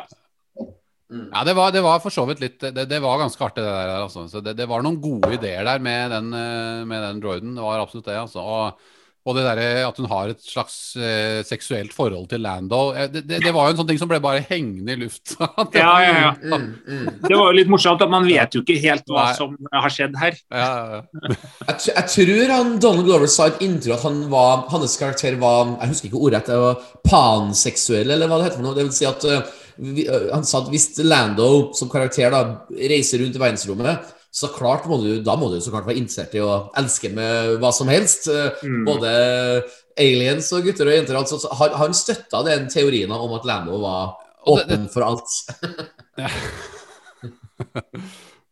Ja, Rekker du opp hånden, Ivar? Ja, jeg rekker Ja, opp hånden. ja. Eh, Det var før eh, jeg skulle gjøre det her nå i dag, så snakka jeg med min kone, da. Ja. Hun har også sett litt eh, Star Wars, og hun sa det at eh, hun syntes det var synd at det ikke var mer sexscener i Star Wars. Og så sa jeg at eh, ja, men det, det er jo action for barn, det kan ikke være Ja. scener i Star Wars. Ja. Så Men Det eh, var, det var veldig artig at du sa i hvert fall at Alec Guinness, sir Alec Guinness, i det første intervjuet han gjorde i England i 1977 for å promotere A New Hope, så sa han faktisk sånn It's a beautiful movie. It has no nudity. In fact, it has no sex at all. Det var liksom sånn, det var det første han sa når han skulle snakke om filmen, så det var veldig artig at kona di hang seg på det. Men Men det jeg er jo enig. Ja, det, det, og det er jo morsomt å tenke på at eh, alt Altså Lando er jo det nærmeste vi kommer til liksom eh, Eller kanskje ikke det nærmeste, men i hvert fall en av de karakterene som nærmer seg veldig det sensuelle og det seksuelle og er veldig sånn smooth-talker og smoocher seg inn på alle damene han ser, liksom. Inkludert da også det som tilsynelatende er datteren hans, eller en eller annen til random deserterende stormtrooper-dame i slutten av Rise of Skywalker, så sitter Ja, ja, ja. tømmerstokk og ender opp med liksom Well, let's find out. Eh, så, vi, vi, så Star Wars har en slags historikk å liksom la hans eh, personlige liv og hans seksuelle liv bare ligge i en sånn hvile i luften, Ja. i atmosfæren, og liksom Ja, hva er dette? Hva er det han egentlig driver med? Mm. Det er jo et øyeblikk i denne solo hvor uh, han, uh, han solo og hun, denne damen som jeg ikke husker navnet på, uh, Eh, Kira, er det Kira? Ja. Kira ja. Ja, De er jo inne i en sånn, et sånt uh, walk-in closet, nærmest, hvor han ja. Lando kappene sine. Og der uh, aner man jo at uh, her skal det skje ting. Men uh, akkurat da så kommer jo han uh, Woody Harrelsons karakter da, kommer jo da og sier Am I interrupting something? Er det ikke noe sånt? ja. Jo, jo. Stemmer. Og det er jo en direkte kobling til, eh, til Empire Strikes Back, når uh, C3PO avbryter Solo Mm. og, og Leia. Mm. Det er Jeg veldig morsomt for dere. Jeg har, en veldig, jeg har en veldig artig trivia jeg skal dele med dere akkurat nå. For at Ivar snakka nettopp om det der walk-in-skapet. Eh, Den dagen de eh, var på settet og spilte inn akkurat den scenen, så var George Lucas eh, gjest på filmsettet. Og eh, når han da satt i registolen ved siden av Ron Howard, og han så liksom den scenen der eh, og dialogen foregikk, så sa plutselig George Lucas Jeg tror ikke at Lando er en sånn fyr som når han da får tilbake en kappe, så kommer ikke han til å henge den opp sjøl etterpå. Han vil bare la den ligge, for det er liksom litt sånn under hans verdighet. Så, så George Lucas hadde faktisk bitte litt regi på den scenen der. Han tok det på sånn- sin kappe. Som det, Oh! Vi må få inn en sånn lydeffekt som sier ja, vi må ha flere. Darth Vader som spiller, sånn Darth Vader som spiller trommer. Ja, ja. Ja, ja. Men, Men, så det, det er eh, veldig artig at du nevnte i hvert fall den scenen er litt uh, unik. Unnskyld, jeg avbrøt deg, Knut. Nei da, jeg bare mumler litt. Men eh, det, det, det, det, jeg bare skulle understreke at den kappe Det, mors, det var faktisk en veldig morsom scene. Det med at de tuller litt med de kappene til, eh, til, mm. til Lando, egentlig. Men jo de, i, I solo så syns jeg liksom det, det er jo de rolige øyeblikkene som jeg syns kanskje er de beste da i den filmen. Eh, jeg syns det blir eh, veldig mye av Kanskje, hvis man skal si i eh, hermetegn eh, feil da med Star Wars, så er det jo Uh, Hvis det er noen som er feil med Star Wars, så er det kanskje det at eh, de nye Star Wars-filmene så er det jo så fryktelig mye action. Det skal være, liksom være action Åh. hele veien. Hele Og jeg liker jo når, det er litt, når de er litt rolige og når det er litt mer, litt mer drama. da. Ja. Mm. Det er jo, synes, jeg syns kanskje jeg er kommet til den alderen hvor jeg liksom syns det er mer interessant. da. Ja. Mm. Men jeg, jeg, jeg er jo veldig enig i det. altså Drama og action det henger jo, jo, går jo hånd i hånd, spør du meg. Fordi at eh, action betyr mer når du har hatt drama i forkant som understreker det som skjer. Mm. Altså det, du, du, du, du føler jo med for karakterene hvis det er en actionscene. Hvis ikke du har hatt noe drama i forkant, så føler du ikke noe for karakterene. Og da, da betyr jo ikke de tingene som skjer i den actionscenen, like mye. Eh, og det er, altså, det, Min store kritikk til Solo er vel, går vel egentlig litt på at eh, det er, noen, det er liksom noen sånne key moments jeg skulle ønske Det er to ting da som jeg skulle ønske var håndtert litt bedre. Og det var eh, måten han fikk navnet Solo på. Det syns jeg var litt sånn, litt, sånn, litt billig. Eh, og måten han Mm. treffer Chewbacca på, er også litt sånn Mm. Mm. eh, det er en sånn todelt greie, for jeg syns kjemien mellom han og Chewbacca er egentlig veldig bra i filmen. Altså og skuespillprestasjonen, og det er jo han finske duden inni, inni Ja. der som uh, har tatt over for Peter Mayhew. Og eh, de, de har veldig bra kjemi, og det er veldig mye Wow, you, you're 190 years old! You look great! Det er, det er masse, masse morsomme ting. Men jeg skulle ønske at det Altså, Chewbacca Og det er et sånn nøkkelforhold i, i Star Wars som vi liksom har lurt på når jeg, når jeg så de skulle lage den filmen. Faen, da må de bygge opp noe god drama rundt hvordan han møter Chewbacca. Og så gjør de han liksom mer til en sånn tilfeldig møte hvor han er et beist. Eh, ja, han er kanskje de, de har tatt fra han mat, og han er sulten og tørst og spiser alt han finner og sånn, men jeg skulle ønske at det var en mer personlig interesse for hvorfor Solo ville frigjøre Chewbacca. da. Det blir så tilfeldig. på en måte. De glatter litt Ja. over noe som jeg syns burde vært en eh, Og der er vi inne på at liksom, det kunne vært f.eks. kortere actionscener. Hatt noen scener med at at han ser eh, han, altså, Nå er det jo dette er jo rent, eh, bare rent kreativt spinn, men altså at det er en scene hvor Chewbacca er eh, holdt som slave av imperiet et annet sted, og han ser at han, er en leader, altså han, og kanskje Chewbacca Nei, Han Solo er på et eller annet heist et annet sted, og så får han Altså, de, de kunne ha bygd opp eh, et eller annet der på en litt annen måte. I, i, eh, Knut, er- nå skal du få skikkelig nerdtrivia fra meg. For jeg var jo veldig glad i å lese eh, Star Wars-tegneserier eh, Ja. Når jeg var i 30-åra. Det var jo lenge siden. Og da, og da var det et eget kapittel om En egen story om Han Solo. Her er jo Ja. ikke canon, men det er i hvert fall en historie som ble skrevet at Han Solo jobba for Imperiet når han var ung. Ja. Og da var Chewbacca en slave som Ja. han da som imperiepilot ville frigjøre, for han følte det var urettferdig. Og det var sånn de ble venner. Og Ja. det blir litt mer kjøtt på beina på en sånn type Ja. eh, ve- vennskapsstart. Så jeg, jeg, er veldig enig med deg. Og til og med kreative folk som har skrevet Star Wars-tegneserier, har tenkt det samme som deg, Knut. Så det var veldig artig at du ja. Jeg skal skrive en låt som heter det. How, ja, ja, ja. How Han Met Chewbacca. Men, Men- nei, for det er jo liksom eh, Det er jo eh, Altså, sant, De tar jo tak i det der med at eh, det er jo en direkte kobling til Revenge of the Sith egentlig her i Solo, fordi at når de sitter rundt leirbollet her, så sier jo Ja, sier jo Chewbacca til Jeg husker ikke hvem som sier hva, men det, ble, det blir i hvert fall sagt da at uh, the Wookies were liberated Nei, ikke liberated, men de ble tatt av imperiet fra Kashyyyk som slaver. Ja. Ja. som, for vi er jo på Revenge of the Sith, så er vi på Kashyyyk, og der, eh, Ja. det er jo det siste vi ser av wookene før imperiet tar over, og de har sikkert da liksom angrepet eh, der og tatt, tatt alle wookene til slave og sånn, for de er jo bra work labor, selvfølgelig. Eh, men jeg skulle ønske at eh, da de kunne tatt tak i Chewbaccas historie litt på et litt tidligere tidspunkt og bygd opp det forholdet dem imellom på en litt kulere måte. Og selvfølgelig ha den humoren som de har, for de har en veldig bra kjemi. Men det kunne du hatt uansett, selv om de hadde hatt en litt mer kjøtt på beinet forhistorie med Chewbacca og Solo, da. Men det er Altså Vet, vet, du hva jeg tror, gutta? Og jeg kan ikke bevise det her, men det er en veldig stor, eh, sterk følelse jeg har. At den scenen som du snakker om, du vet akkurat hvor eh, Han Solo møter Chewie, og de slåss sammen, og Han Solo begynner å snakke hooky og Det, det der tror jeg er blant de 20 %-scenene som kommer fra Lord and Miller-versjonen. For eh, det oser sånn teaterimpro og For det, det, er hakket, det, er, det er hakket mer crazy humor enn andre humorbiter Ja. i filmen. Ja. Så jeg får veldig inntrykk av at her har du den Lord and Miller-signaturen. Jeg kan ikke bevise det, men før eller senere så får vi, får vi vite det her i en bok. så klart for at uh, Det som er artig med Star Wars, at når det var intriger i 1976, så fikk ikke vi høre om de historiene i bokform før 20 år senere. Så kanskje om 15 år så får vi da høre hvilke intriger som faktisk foregikk i soloinnspillingene. For før eller senere så får vi vite det her. Og da skal vi gå tilbake til podkast nummer 21 og bekrefte at Peter Roger sa at det her er sånn det er. Eh, hva, hva med du, Ivar? Syns du det var artig måte da Han Solo og Chewie møttes? Nei, Jeg også må jeg jo si jeg er ganske enig litt med altså Jeg er enig med Knut uh, her og da, at jeg syns uh, det ble litt enkelt. da. Det, Ja. ja, kunne Men jeg, jeg lo. Jeg, jeg flira i kinosalen. Jeg syns det var Ja, artig. absolutt. Ja, jeg også gjorde det. Og jeg syns det ble veldig fint mellom dem. Eh, Resten av filmen så ble det mye, mye, mange fine scener. Ja. Og spesielt på det toget der, hvor de står og prater litt. eh, Det syns jeg var Eller var det Ja. toget? Var vel Jo, på, Nei, det er, ja, det det er rett før de er på toget. Altså det er når de Ja, står ja, på. Jeg skulle akkurat, skulle akkurat til å si det. Ja. Det er når de står på den der, det skipet til, re, eller til crewet. da Ja. Ja. Så står de og snakker om eh, liksom frihet, og nå skal vi bare Mm. gjøre denne jobben, så de, liksom, de, de, de, eh, de går og kjenner på de samme følelsene. da.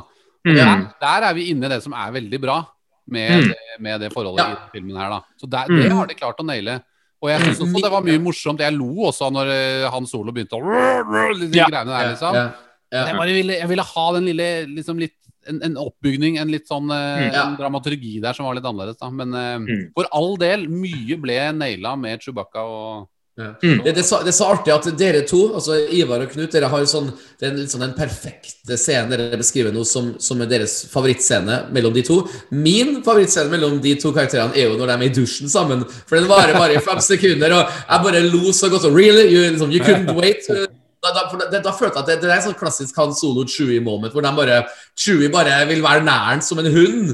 Og, og, og da føler jeg at Chewie er jo på en måte en stor Sankt Bernhard-hund, liksom. Når du, ja. Når du sier det, så så jeg for meg at det finnes sikkert en eh, scene i hvor, eh, i det Lorden Miller-cuttet hvor Chewit begynner å markere på trær og sånn. Begynner å Ja, tisse. ja, ja, ja, ja. Garantert. rumpa på andre Chewbacca-damer og Ja, liksom ja, ja, ja, ja, damer, mener jeg. ja. Nei, det, det, det er så artig å tenke på. Vi skal snart gå videre i historien. Jeg må bare si at Det er jo veldig mange karakterer som får for lite plass. Emilia Clark, hun som, altså hun Kira som spiller dama til Solo. Jeg følte kanskje at det var litt sånn feilkasting. For at hun var egentlig kun, ja, hun var kun kjent fra Game of Thrones, og ikke at det er noe negativt med det, men jeg, jeg så for meg en litt sånn sterkere Nesten sånn Angelina Jolie-lignende dame som burde hatt en sånn type rolle. For at eh, det ble så sukkersøtt, og det kledde ikke Han Solo for at, eh, den sukkersøte dama han skal i framtida møte. eh, Leia, som da viser seg er tøff. Det er på en måte nok sukkersøtt for min preferanse. Så jeg føler at det var litt sånn feilkasting. Du er enig, Ivar? Ja, absolutt. Jeg synes hun, hun jo, gjør jo en eh, bra rolle, hun eh, Clark. Men, Ja. men eh, Nei, jeg syns det passa kanskje ikke helt. da. Det kunne, kunne vært en tøffere en, ja. Sånn som du sier, da. Mm. Ja. Hva med du, Knut? Ja, jeg har ikke tenkt så fryktelig mye på det. Jeg synes jo altså hennes rolle i filmen den, altså hun, Det går jo noen år det, Jeg vet ikke om det står noen gang i løpet av filmen hvor lang tid det går etter at de blir separert og han går inn i imperiet der og, og er Mud Trooper, eller hva det heter for noe. Tre år, tror jeg. Ja, ja, mud trooper. Ja. Det går, noen, går det noen måneder, eller går det noen Nei, år? jeg tror det er tre år. Jeg tror det er tre år. Tre år, ja, ikke sant? Og så plutselig så møtes de tilfeldig igjen, da, på, og da får vi liksom ikke noe god Correct me if I'm wrong, vi får ikke noe god forklaring på hvordan hun kom seg dit. Altså, hvem, hun, hun ble jo tatt til fange av disse her eh, leiesoldatene til hun eh, lady eh, Nei, hva faller det. Lady Gaga. Hun, hun derre ormen nedi vannet der, hun eh, Aksi Koksi Kaksi Ah. Kulbe. Samme, samme det. Ja. Og The da Thing. Ja. Ja, og da um, Lady Proxima heter hun. Men eh, Ja. da, da, da Hun blir jo tatt til fange av de henchmennene hennes eh, på, på den der flyplassen, eller den derre Ja. og, og det er liksom Vi får jo ikke noen forklaring på hvordan hun kom seg dit. Eh, hvem Og det, det er litt sånn der, der Hæ? Hvor, hvor, hvor, hvor, når kom du deg dit? Det var, fordi det var, så tilfeldig, det var så tilfeldig at de møttes der, og så er det liksom ikke noe mer. Så det, den slo meg litt sånn i Så der, der, der tok de Det er liksom der hennes rolle liksom, liksom fikk en liten score i, i gleden for meg, da, fordi at det, ja. Det, det, det var så det, Akkurat det var litt dårlig skrevet, syns jeg. Og så eh, skulle jeg ønske at de liksom forklarte det litt eh, bedre på et eller annet vis. Men eh, Mm. jeg kan jo til en viss grad være litt enig. Det er ikke, jeg føler ikke at det er en sånn kjempedårlig casting, men det kunne godt ha vært litt uh, røffere, litt mer edgy Ja. karakter. En, en, en lit, ja, kanskje en, en dame med litt sånn eh, eh, mer eksotisk farge, for å få litt større kontrast fra prinsesse Leia. Det var bare, Ja, en Twilight, liksom. Ja. Ja, ja, korrekt, korrekt. Men eh, en liten digresjon. eh, når eh, hun er på den såkalte flyplassen og blir arrestert, så er det jo sånne reklameskjermer på veggene med The Imperial March, som I dur. Stilt, i dur Ja. i filmen! Altså, det det, det fins ikke noe mer meta enn det. At den låta finnes i Star Wars-universet for Star Wars-karakterer. Da lo jeg godt. Men hva, hva synes du om det? Knut, du som er musiker, reagerte du humoristisk, eller syns du det var Jeg, jeg, jeg, var- for jeg, tror ikke jeg, la, jeg husker ikke om jeg la merke til det første gangen. Det gjorde jeg nok sikkert. Altså, men jeg, når jeg så den igjen, også, det står ganske tydelig ut. Eh, Join the Empire! ja, det er nesten som jeg, jeg følte, det er nesten som jeg var inni et dataspill, liksom. Og litt sånn nazipropaganda, Wolfenstein-aktig Ja, eh, film fikk jeg på dette her. Eh, men det er, den vis, det er jo litt sånn kul side ved filmen at de viser på en måte imperiet fra den, denne propagandasiden. Ja. Eh, Det syns jeg det er litt morsomt. Jeg syns kanskje det er litt sånn eh, han, i, først, I den scenen der, så litt tidligere, så sier han sånn We have to get as far as uh, possible away from the empire. Ja. Og så noen minutter senere Nei, I will join the empire, liksom. Så ja, men det, det var vel ikke noe valg, kanskje? Nei, det var kanskje ikke det, da. Så han eh, Så det, det er litt morsomt at du får se imperiet fra den siden der, da. Ja. Og så får vi endelig se planeten Corellia, for den har blitt snakka om. vet du. Wedge Antilles er jo fra eh, Corellia, og vi har hørt om Corellian Frighter. ikke sant? Altså det, det er jo en veldig sånn kjent Dengar er jo fra Corellia. There you go. Så veldig sånn kjent planet i Star wars lore Jeg hadde alltid sett for meg at det var mye renere planeter. Jeg føler at eh, det er veldig mange planeter i, US, i, i USA, sier jeg. Veldig mange planeter i Star Wars-universet som er skittete. Veldig mye skittete planeter. Ja. Men eh, I- I- Ivar, fikk du en sånn en um, vibe tenker på når du ser liksom at uh, Hans Han Solo skal bli rekruttert til å bli i, i, med i Imperiet, og så får han plutselig sitt etternavn. Var det en klein scene når han fikk liksom uh, I, I don't have a last name. OK, Solo, liksom. Flira du, eller himla med øynene, eller hva, hva gjorde du for noe? Første gang jeg så det, så tenkte jeg vel at jeg syntes det var litt enkelt. da, Men så så jeg det igjen nå, og så syns jeg ja, det var jo Jeg kjøpte den litt mer, da. Jeg synes det var, det funka jo greit. eh, Men eh, Ja. bare det, da. Det var liksom bare greit. Eh, Kunne Ja. kanskje litt mer, jobba litt mer med den, da. Det, det, burde jo, Ja. det burde jo vært her burde de jo fletta det sammen med Chewbacca. Ikke sant? Det burde jo ha vært at, eh, at, at de har et eller annet følelsesladet moment sammen, og så sier Mm. Og så sier Solo, eller han Solo om at han alltid er aleine, og så sier Ja. Chewbacca oh, yeah, You will call me Solo, et eller annet sånt, da. For å bygge Mm. Mellom ja. dem. De, Men dette her kan også fort være en sånn Lorden Miller-impro-greie. Ja, ja, ja, ja, ja, ja. Samme som Imperial March-låta. Det sto sikkert ikke i manuskriptet. Det er noe de har putta på som regissører, liksom. Jeg Ja. Det, Jeg leste jo- jeg leste et sted om den scenen hvor han får navnet sitt solo, så er det, det er jo en, også en homasj til uh, gudfaren. Ja.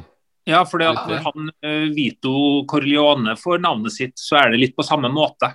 ja. Oi. Ja. Wow.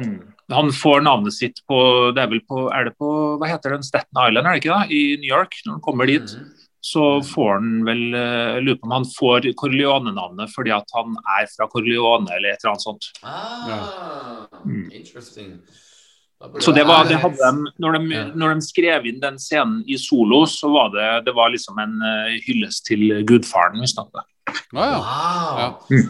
Og så tror jeg, nå, nå er jeg ute og ror litt her, men jeg tror at um, George Lucas hadde en liten rolle i å forme Gudfaren-filmen. Fordi han var så god venn med regissøren at det var noe med at du må ta og regissere den filmen. For at han, um, eh, regissøren bak Gudfaren ville helst ikke gjøre noe så Hollywood-kommersielt som en slik type story. Men Mm. eh, George Lucas var eh, en viktig medvirkende, medvirkende faktor til å pushe den in that direction. Så, så det er sånn artig, for de var jo bestekompiser i tida der. Mm. som er, det som er også interessant, da, når vi, vi måtte snakke litt om Corellia Nå hopper jeg litt tilbake til det, men det, Ja, ja. det er jo at uh, Vi må huske på at Millennium Falcon er en Det er mange som uh, tenker at det er en, et, et unikt skip, altså som bare Ja. fins én av. Men det er det ikke. Det er en Corellian freighter. Altså det er eh, Yes. Det vil si at det fins flere. Uh, og dette her visste jeg ikke, da. For at jeg faktisk hvis du ser nøye i Attack of the Clones Jeg tror jeg sendte deg bilde her, Yeah. Petter. Yes, you did. går forrige Så kan du Yes. se det som kan, da kan se ut som Millennium Falcon, men sannsynligvis da er en annen Corellian freighter, freighter stå på eh, en sånn eh, plattform på Det er vel Naboo, tror jeg, når Anakin Mm. og dem kommer dit. Ivar? Ja, eh, Corellia eh, kom på, hørte du nå, det er jo nesten det samme som Corleone. Ja. Oh! Vi må få inn en sånn lydeffekt. Uh! Ja, ja, ja. Når folk leverer gullkorn som det, det var dagens beste gullkorn. Eh, Jeg, jeg, jeg elsker sånt. Det er derfor vi har podkasten her, for å skvise ut av hverandre visdom som vi ikke visste vi hadde. Vi bare hjelper hverandre til å finne det fram. Liksom. Driver det fram i vår egen synergi, liksom. Men da, da, skal jeg, da skal jeg prøve å imponere dere, fordi at eh, når Han Solo er i Imperiet, så har han en krigsscene på planeten Minban.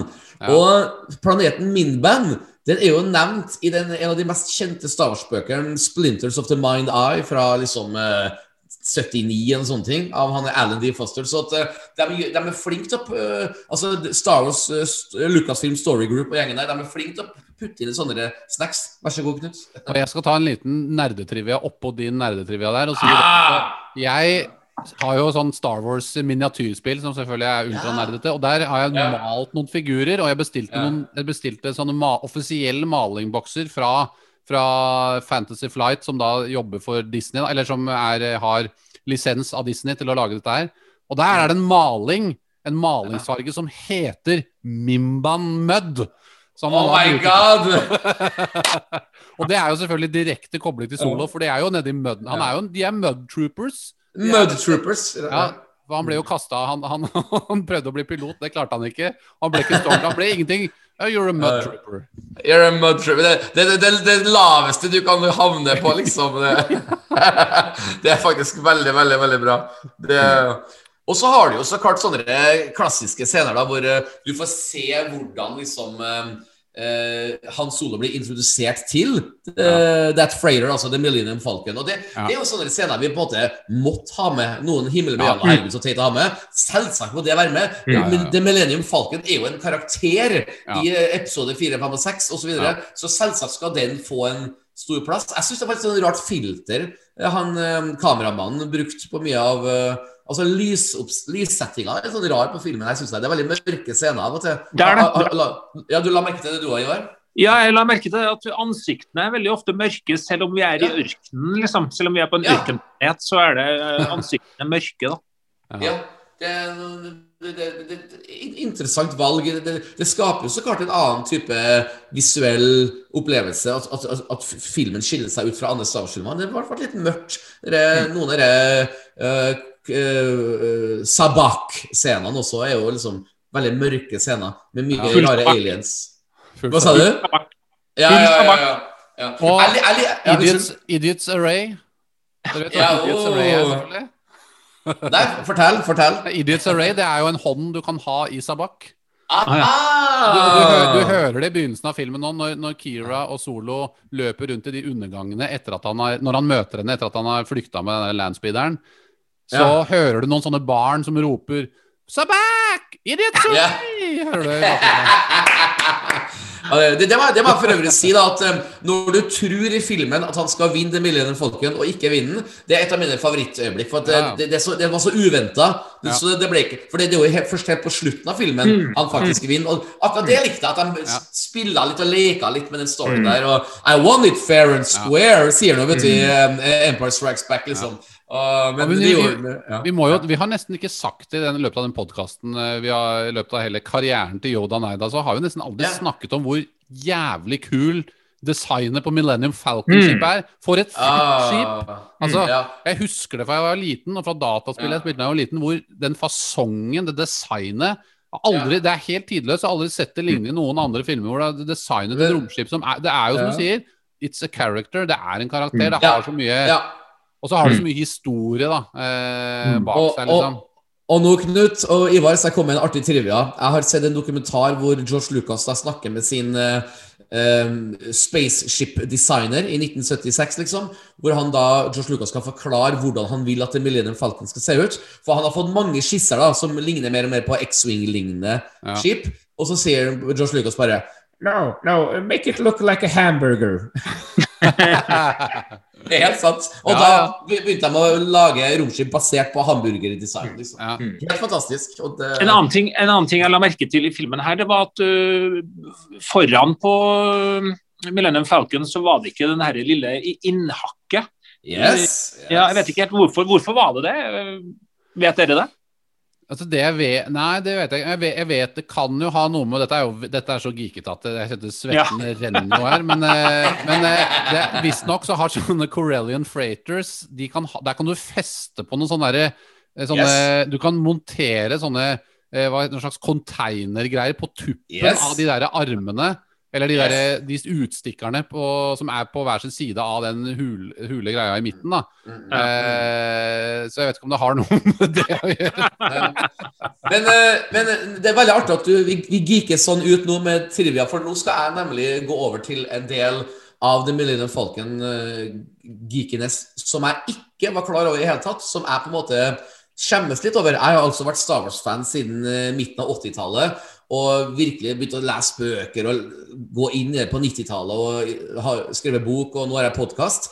Men det er én ting jeg aldri var klar over og det var hvor mye fokus de kom til å ha på disse terningene som henger i taket. Mm. på Millennium Fordi jeg må helt ærlig innrømme, og jeg skjemmes litt over å si det, men når jeg har sett episode 4, 5 og 6, originaltrilogien, 100 ganger i mitt liv jeg har ikke engang registrert disse terningene, og nå plutselig får de en viktig del av historien her, og de dukker opp i The Last Jedi, som er Leia for dem i hånda si, og jeg sitter her som en nerd, eller som Samme her. samme her.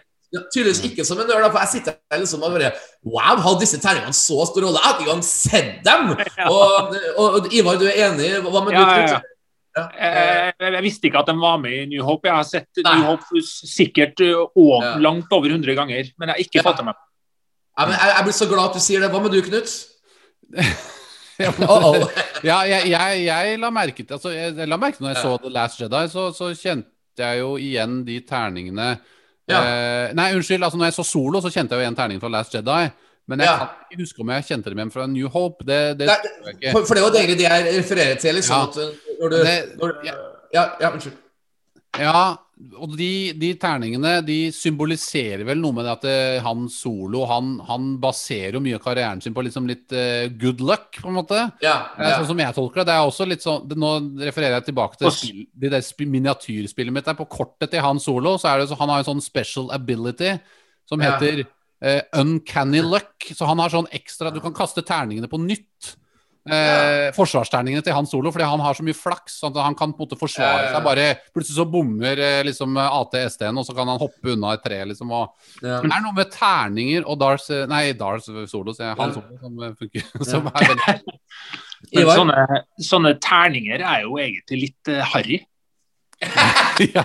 Det skulle egentlig vært mer er råd, det. er sånn råde, rådebank og hele greia. Ja, og, og, og, men jeg, jeg, må, jeg må bare backe opp Ivar litt her. For at uh, når du ser filmen her, og han, i begynnelsen av filmen så flyr han rundt med en liten sånn en uh, Cadillac-lignende uh, romskip hvor han krasjer inn i smuget. Og da har han også disse terningene opp, så det er sånn sånn good luck charm som han Ja, tar med ja. seg videre. Og så zoomer de inn på at han putter liksom på det mulige folket Og jeg sitter her i kinosalen bare Herregud, episode 4, 5 og 6 så henger de jo så, så klart oppi taket Ja, da, men jeg har aldri sett dem engang! Jeg bare tenker sånn Jeg, jeg, jeg må trekke tilbake. Jeg er ikke Star Wars-peiling. jeg har ikke peilingen tatt, tydeligvis. Uh, eh, eh, jeg, jeg føler da det, det jeg egentlig prøver å si, at jeg føler at de har putta altfor mye fokus på en duppeditt som terning i eh, Ja. både Last Jedi og eh, Solo. Så det, det, det it kind of rubs me the wrong way. Gjør, gjør det? Ja, jeg er litt uenig, fordi at det, jeg mener at det symboliserer litt av personligheten til Han Solo. Fordi han Ja, er han, en sånn han er litt harry. han er, Ja, det er han jo òg. Han sånn Han er jo en rådebank-type. Han skal smøre Ja. seg på damer, og han skal eh, Ja, ja, ja. Men, men ikke sant, han er litt sånn happy go lucky type. Han gjør noe heist, han, han tar det ting som det kommer.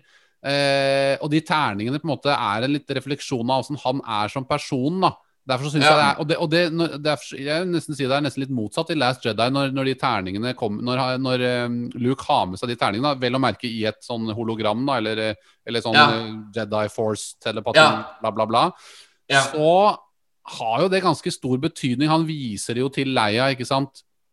Eh, og de har jo en slags moment der hvor de på en måte får en slags felles eh, Hva skal jeg si En felles sorg eller en felles eh, opplevelse av at ja, han, han døde jo, på en måte. Det er, det er jo der de møtes for første gang etter at, at Ja. han har dødd, da, i, i forrige film, eller i Force Awakens. Eh, så, så allikevel, så jeg syns, de, jeg syns faktisk at de terningene er en win-win, ja, altså. Jeg må si det. Så, så, så det, det Leia egentlig sier i hodet sitt når hun får de terningene av Luke, er Wow, my brother is giving me the dices that my husband, my late husband, used to share with his ex-girlfriend. Men gjorde han det, da? Delte han det med Kira? Ja, han gjorde det kanskje. Han drev og ga. Ja, jeg, jeg tror jeg, jeg, Han, brukte det ikke som noe sånn eh, til noe dirty Nei. Nei, nei, nei, nei. Men jeg må gå fort videre, for at eh, det er en ting vi endelig får se i filmen her, som har blitt snakka om ja, egentlig helt siden 1977, og det er jo så klart The Kessel Run. For det er jo noe av det første Han Solo snakker om i A New Hope. We haven't heard about the Millennium Falcon. It's the, it's the one who made the Kessel Run in less than 12 parsecs. Og nå får vi faktisk se at that he actually do make the Kessel Run in less than 12 parsecs. Mm. Og Det ble jo eh, referert også til meg i uh, The Force Awakens. ikke sant? Og, Mm. så det, det, er- så så det, det har bygd seg opp. og Da må jeg jo spørre deg, Ivar. Mm. Did it exceed your expectations? Var, var det stas å endelig se The Kessel Run? Nei, Jeg vet ikke helt jeg, om jeg har eh, Jeg vet ikke helt om jeg har tenkt så mye over det der Kessel Run egentlig opp igjennom, men eh, og, hva er, eh, hva er parsecs, liksom? Det er vel, eh, Sånn som jeg har forstått det, så er det, er det distanse, eh, ikke sant? Det er ikke tid. Eller eh, hva er det tid? Jeg vet ikke helt. Men eh, sånn som det ser ut i solo, så er det vel eh, det er vel kanskje distanse, da? Jeg vet ikke. det, det, Parsec fins jo både på Wikipedia og Wikipedia. Eh, Ja. Så det er jo eh, A parsec was a unit of distance equal to 3,26 light years. Så det er unit of distance, ja. Avstandsmåling. Ja. Ja, avstandsmåling, ja. Mm. Ja. ja. det var jo en uh, morsom scene, det der. uh, at han uh, klarte å komme seg ut av Hva var det de kalte det for noe igjen? Kessel Run. Nei, hva var det de kalte det når de var inni det derre det hullet, det svarte hullet nærmest? At de holdt på å komme inn i det svarte hullet der. Ja, eh, den derre eh, det er en sånn, De møter jo en sånn space whale der. Og den, den, Mm. eh, det derre svære blekksprutlignende monsteret som De holder på å bli sugd inn i den derre maelstrommen. Er det Ja, ja, var- stemmer det. Maelstrom, ja. ja. Så det, det var jo Jeg syns det var artig. Hva syns du, da? Jeg syns at eh, den eh, scenen var ganske kul, fordi at den har jeg vet ikke Har du sett Rebels? Nei, faktisk ikke. Nei, for det, det er jo en animasjonsserie som er på fire sesonger. Som tar plass da før eh, A New Hope, Mm. eller før Rogue One nå, da. Og der er det jo sånne space, space whales eh, som dukker opp i den animasjonsserien.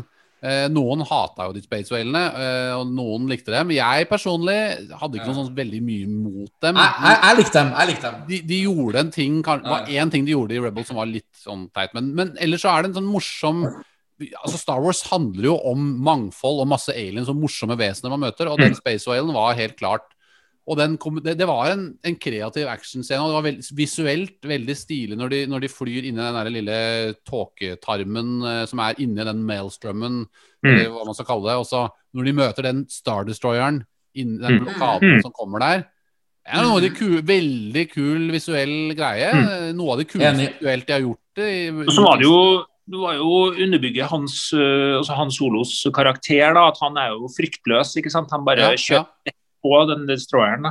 Jeg Ja. synes det var Mm. gøyalt. Det er en morsom scene og spennende. Det var en, jeg syns det er en høydepunkt jeg, synes jeg, altså jeg liker jo for så vidt togscenen, eh, selv om Mm. du sa, nevnte at den var litt lang. Men jeg syns jo den her er tøffere fordi at den er Mm. mer Den har jo mer historisk betydning, for det er Mm. The Kessel Run, og vi får se Ja. Eh, Han Solo være fryktløs. Vi får se Han Solo være en enormt god pilot. Mm. Eh, vi får, får jo se mange av de egenskapene for, det foregår på Millennium Falcon også. ikke sant? Det, er ja, alt, ja. det er veldig mye morsomme scener der. Mye morsomme replikker også. Ja. Og, hele, og hele, den, hele den scenen i forkant også, syns jeg når de, når, de, når de går ned i Er det The Pike Syndicate de stjeler fra? Er det ikke det det heter? The Pike Syndicate? Et, en sånn rivalsyndikat til, Mm. til Crimson Dawn, da. Eh, som, de stjeler, som de stjeler koaksium fra. Mm. Der har jo også Chewie har en sånn moment hvor han ser det er eh, andre bookies som er slaver. Ja. og Han vil jo frigjøre Ja. dem. Så det er en del eh, kule karakter, character moments i løpet av den Mm. sekvensen der, da. Så Mm. hele den, alt det der liker jeg egentlig ganske godt. Altså, filmen rekker faktisk altså, altså, Nå skal ikke jeg være for dyp her, men jeg har en veldig sånn klar eh, analyse på hva en Star Wars spin-off-film er, og hva en Skywalker-saga-film er. Hva hva jeg mener med det at eh, hvis, det, hvis du ser en Star Wars-film som heter episode 1, 2, 3, 4, 5, 6, 7 eller 8 eller, eller 9, så må det jo henge sammen med den store sagaen. Det må være majestetisk, og det må være en John Williams-symfoni, og det må være liksom mm. følge en saga. Men når du lager en film som heter bla, bla, bla A Star Wars Story, så føler jeg på at de er, de er ærlige med publikum fra allerede med tittelen. At det her skal bare være en liten sånn e e egen liten story, som jeg føler at Rogue One eh, nå i ettertid står eh, ganske eh, bra. Altså har Mm. et fint det. Og jeg føler at solos Ja, selvsagt solokarakteren er jo med i Skywalker-sagaen, men jeg føler at um, en sånn en herlig spin-off som det her skaper litt sånne Litt lettere story, Mm. selv om det foregår. Jeg, jeg føler Ja. at det blir sånn frisk pust, så jeg, jeg gleder meg til flere sånne er Star Wars story spin-offs, eh, som vi selvsagt ikke får på en stund. Eller vi Mm. får jo da den Rogue Squadron da, om eh, to-tre år. Den, Men ikke så jeg det sånn- føler at eh, ja. Så kom vel, men det, det, denne Bobafett-greia kom vel til jul, gjør den ikke?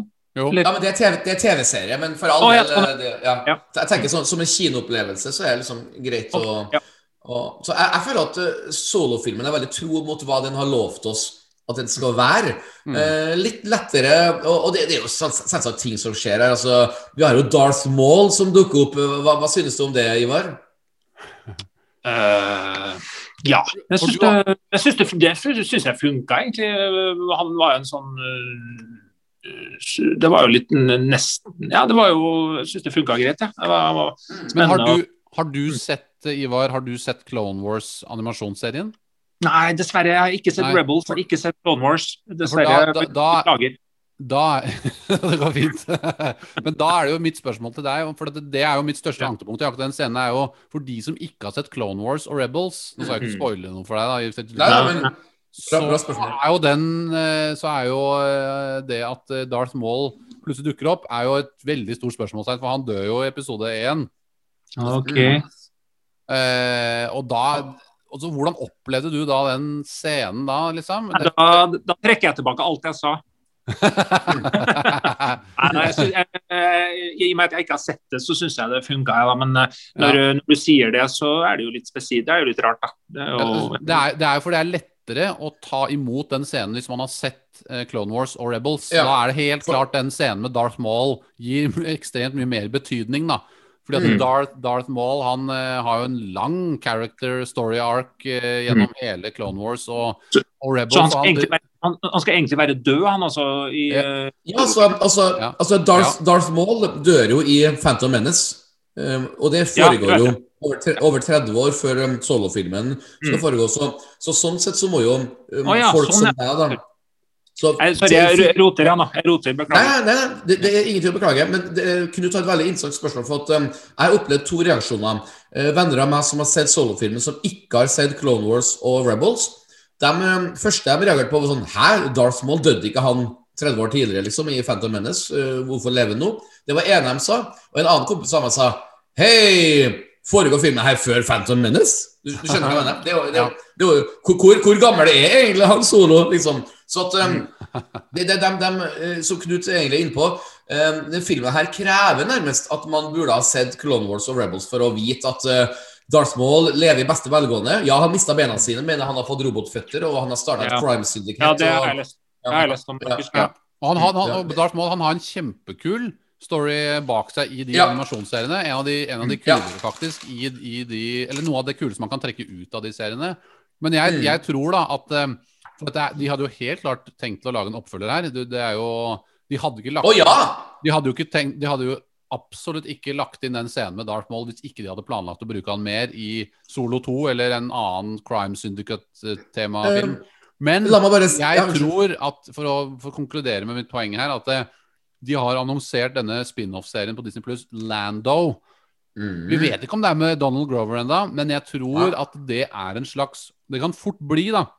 En erstatning. For Lando er jo også en, litt en del av dette scum and villainy-opplegget. Mm. Mm, mm. Eh, det kan være at de tar ideer og elementer fra som de har hatt i forhold til Solo 2 og 3, eller de filmene som Mm. skulle komme post Solo, og Mm. bake det inn i Lando-serien. Kanskje får vi noe Darth Maul eh, i Lando-serien og med de crime-syndikatene. Det, det er jo nesten utenkelig Mm. at de i hvert fall ikke tar tak i disse her, mer av disse crime-syndikatene i Lando-serien. Og da er det jo rart å se for seg at ikke mål blir nevnt, da. Ja, jeg, jeg kan jo si det såpass at um, når Alden Ehrenreich, han som spiller solo, når han signerte um, sin uh, arbeidskontrakt for å spille rollen som solo, så måtte han signere en three movie deal. For det var fordi at de, de hadde planer om å lage en Han Solo 2 og en Han Solo 3. Ja. Um, nå, nå, ble det jo som sagt en fin, finansiell flopp. Altså det, Ja. det ble det, dessverre, det skal vi snakke om litt mer om senere. Så da ble det aldri noen oppfølgere. Men det er som Knut sier, det her kan de putte inn i Lando-TV-serien, spin-offen på Disney Plus, som kommer om noen år. Og da, jeg, Litt tilbake til Darth Maul. Det er reagert da, på at han dukker opp. Det er to ting. Det ene er at uh, hologram er jo alltid blå. Du får alltid se personene som blåfarger i hologram. Og det er jo også Darth Maul. Helt til han slår på lasersverdet sitt, så blir det rødt. Blir hologrammet rødt? Lasersverdet i hologrammet blir rødt, Og sånn, ja. Ja, ja. Og det, det blir litt sånn oh, too much on the nose at han skal vise um, Men hvor, jo hvor, og hvorfor skulle han Hvorfor tar han den lydsabelen? Var det han Åh, det, er mitt, det er mitt andre spørsmål. Hva er han skal true med? Oh, I have a weapon. I am 100 billion light years away from you, but I will scare you with this weapon right now. Det, Men det der har de, det, det- har de gjort bare for at han skal se kul ut, selvfølgelig. Det er ikke noe logikk bak at han skal ta det lyssverdet fram der, liksom. Og det er liksom Og så har det dessverre kommet fram da i senere tid at uh, både Casten og Ron Howard satt nesten på siste uka av filminnspillinga og lurte på hvilken karakter bør vi få frem i hologrammet her.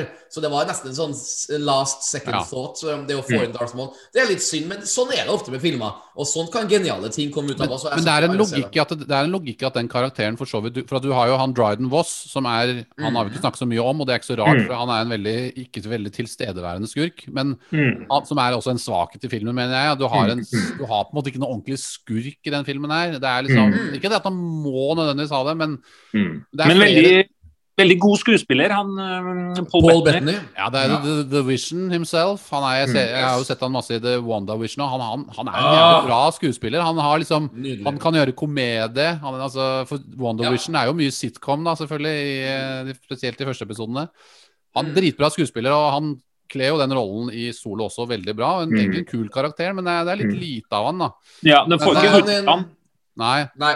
Men Han sant, han, han, sier jo, han sier jo tidligere i filmen 'My master' you, Eller han sier et eller annet 'You know who, my, who I'm working for', eller et eller annet sånt. da Så de har etablert tidligere, tidligere i filmen at han jobber for noen. Så Ja. Eh, har en, en, en liten ting om eh, Unnskyld. En liten ting om Paul, Paul Bettany. Er jo, som Knut sa, han er jo Vision i WandaVision og i alle Avengers-filmer. Men han er også en meget um, allsidig skuespiller. Han er jo med i Da Vinci Code. Da er han jo en morderpsykopat. Og han er også superbra komiker i Johnny Depp-filmen Mortecai, hvor de spiller sånn klassisk sånn Peter Sellers britisk humor-greie. Så han er en uh, allsidig mann som får altfor liten rolle. Men grunnen for at han er med i filmen, her er fordi at den rollen som den skurken her egentlig skulle vært spilt av, var en afroamerikansk skuespiller gjennom Lord and Miller-regien. Men når de skulle ta reshoots og spille inn filmen på nytt, så hadde ikke den skuespilleren tida. Og da Mm. uh, tok Ron Howard, som hadde regi på Da Vinci Code, bare Jeg, jeg ringer Paul Bettany, han kan fly inn, vet du. Så at eh, Mm. Paul Bettany fikk rollen liksom på en mandag og var i settet på torsdag. og var ferdig Ja. ja. Han hadde en veldig god rolle i eh, Master and Commander med Russell Crowe. Ja. Ja, ja, det er jo han, som- det er jo han som spiller han, han vitenskapsmannen. Ja, ja, ja, ja, ja, det hadde jeg glemt, faktisk. Og det er jo en fantastisk film. Ja, kjempebra. Herregud, for en film, altså.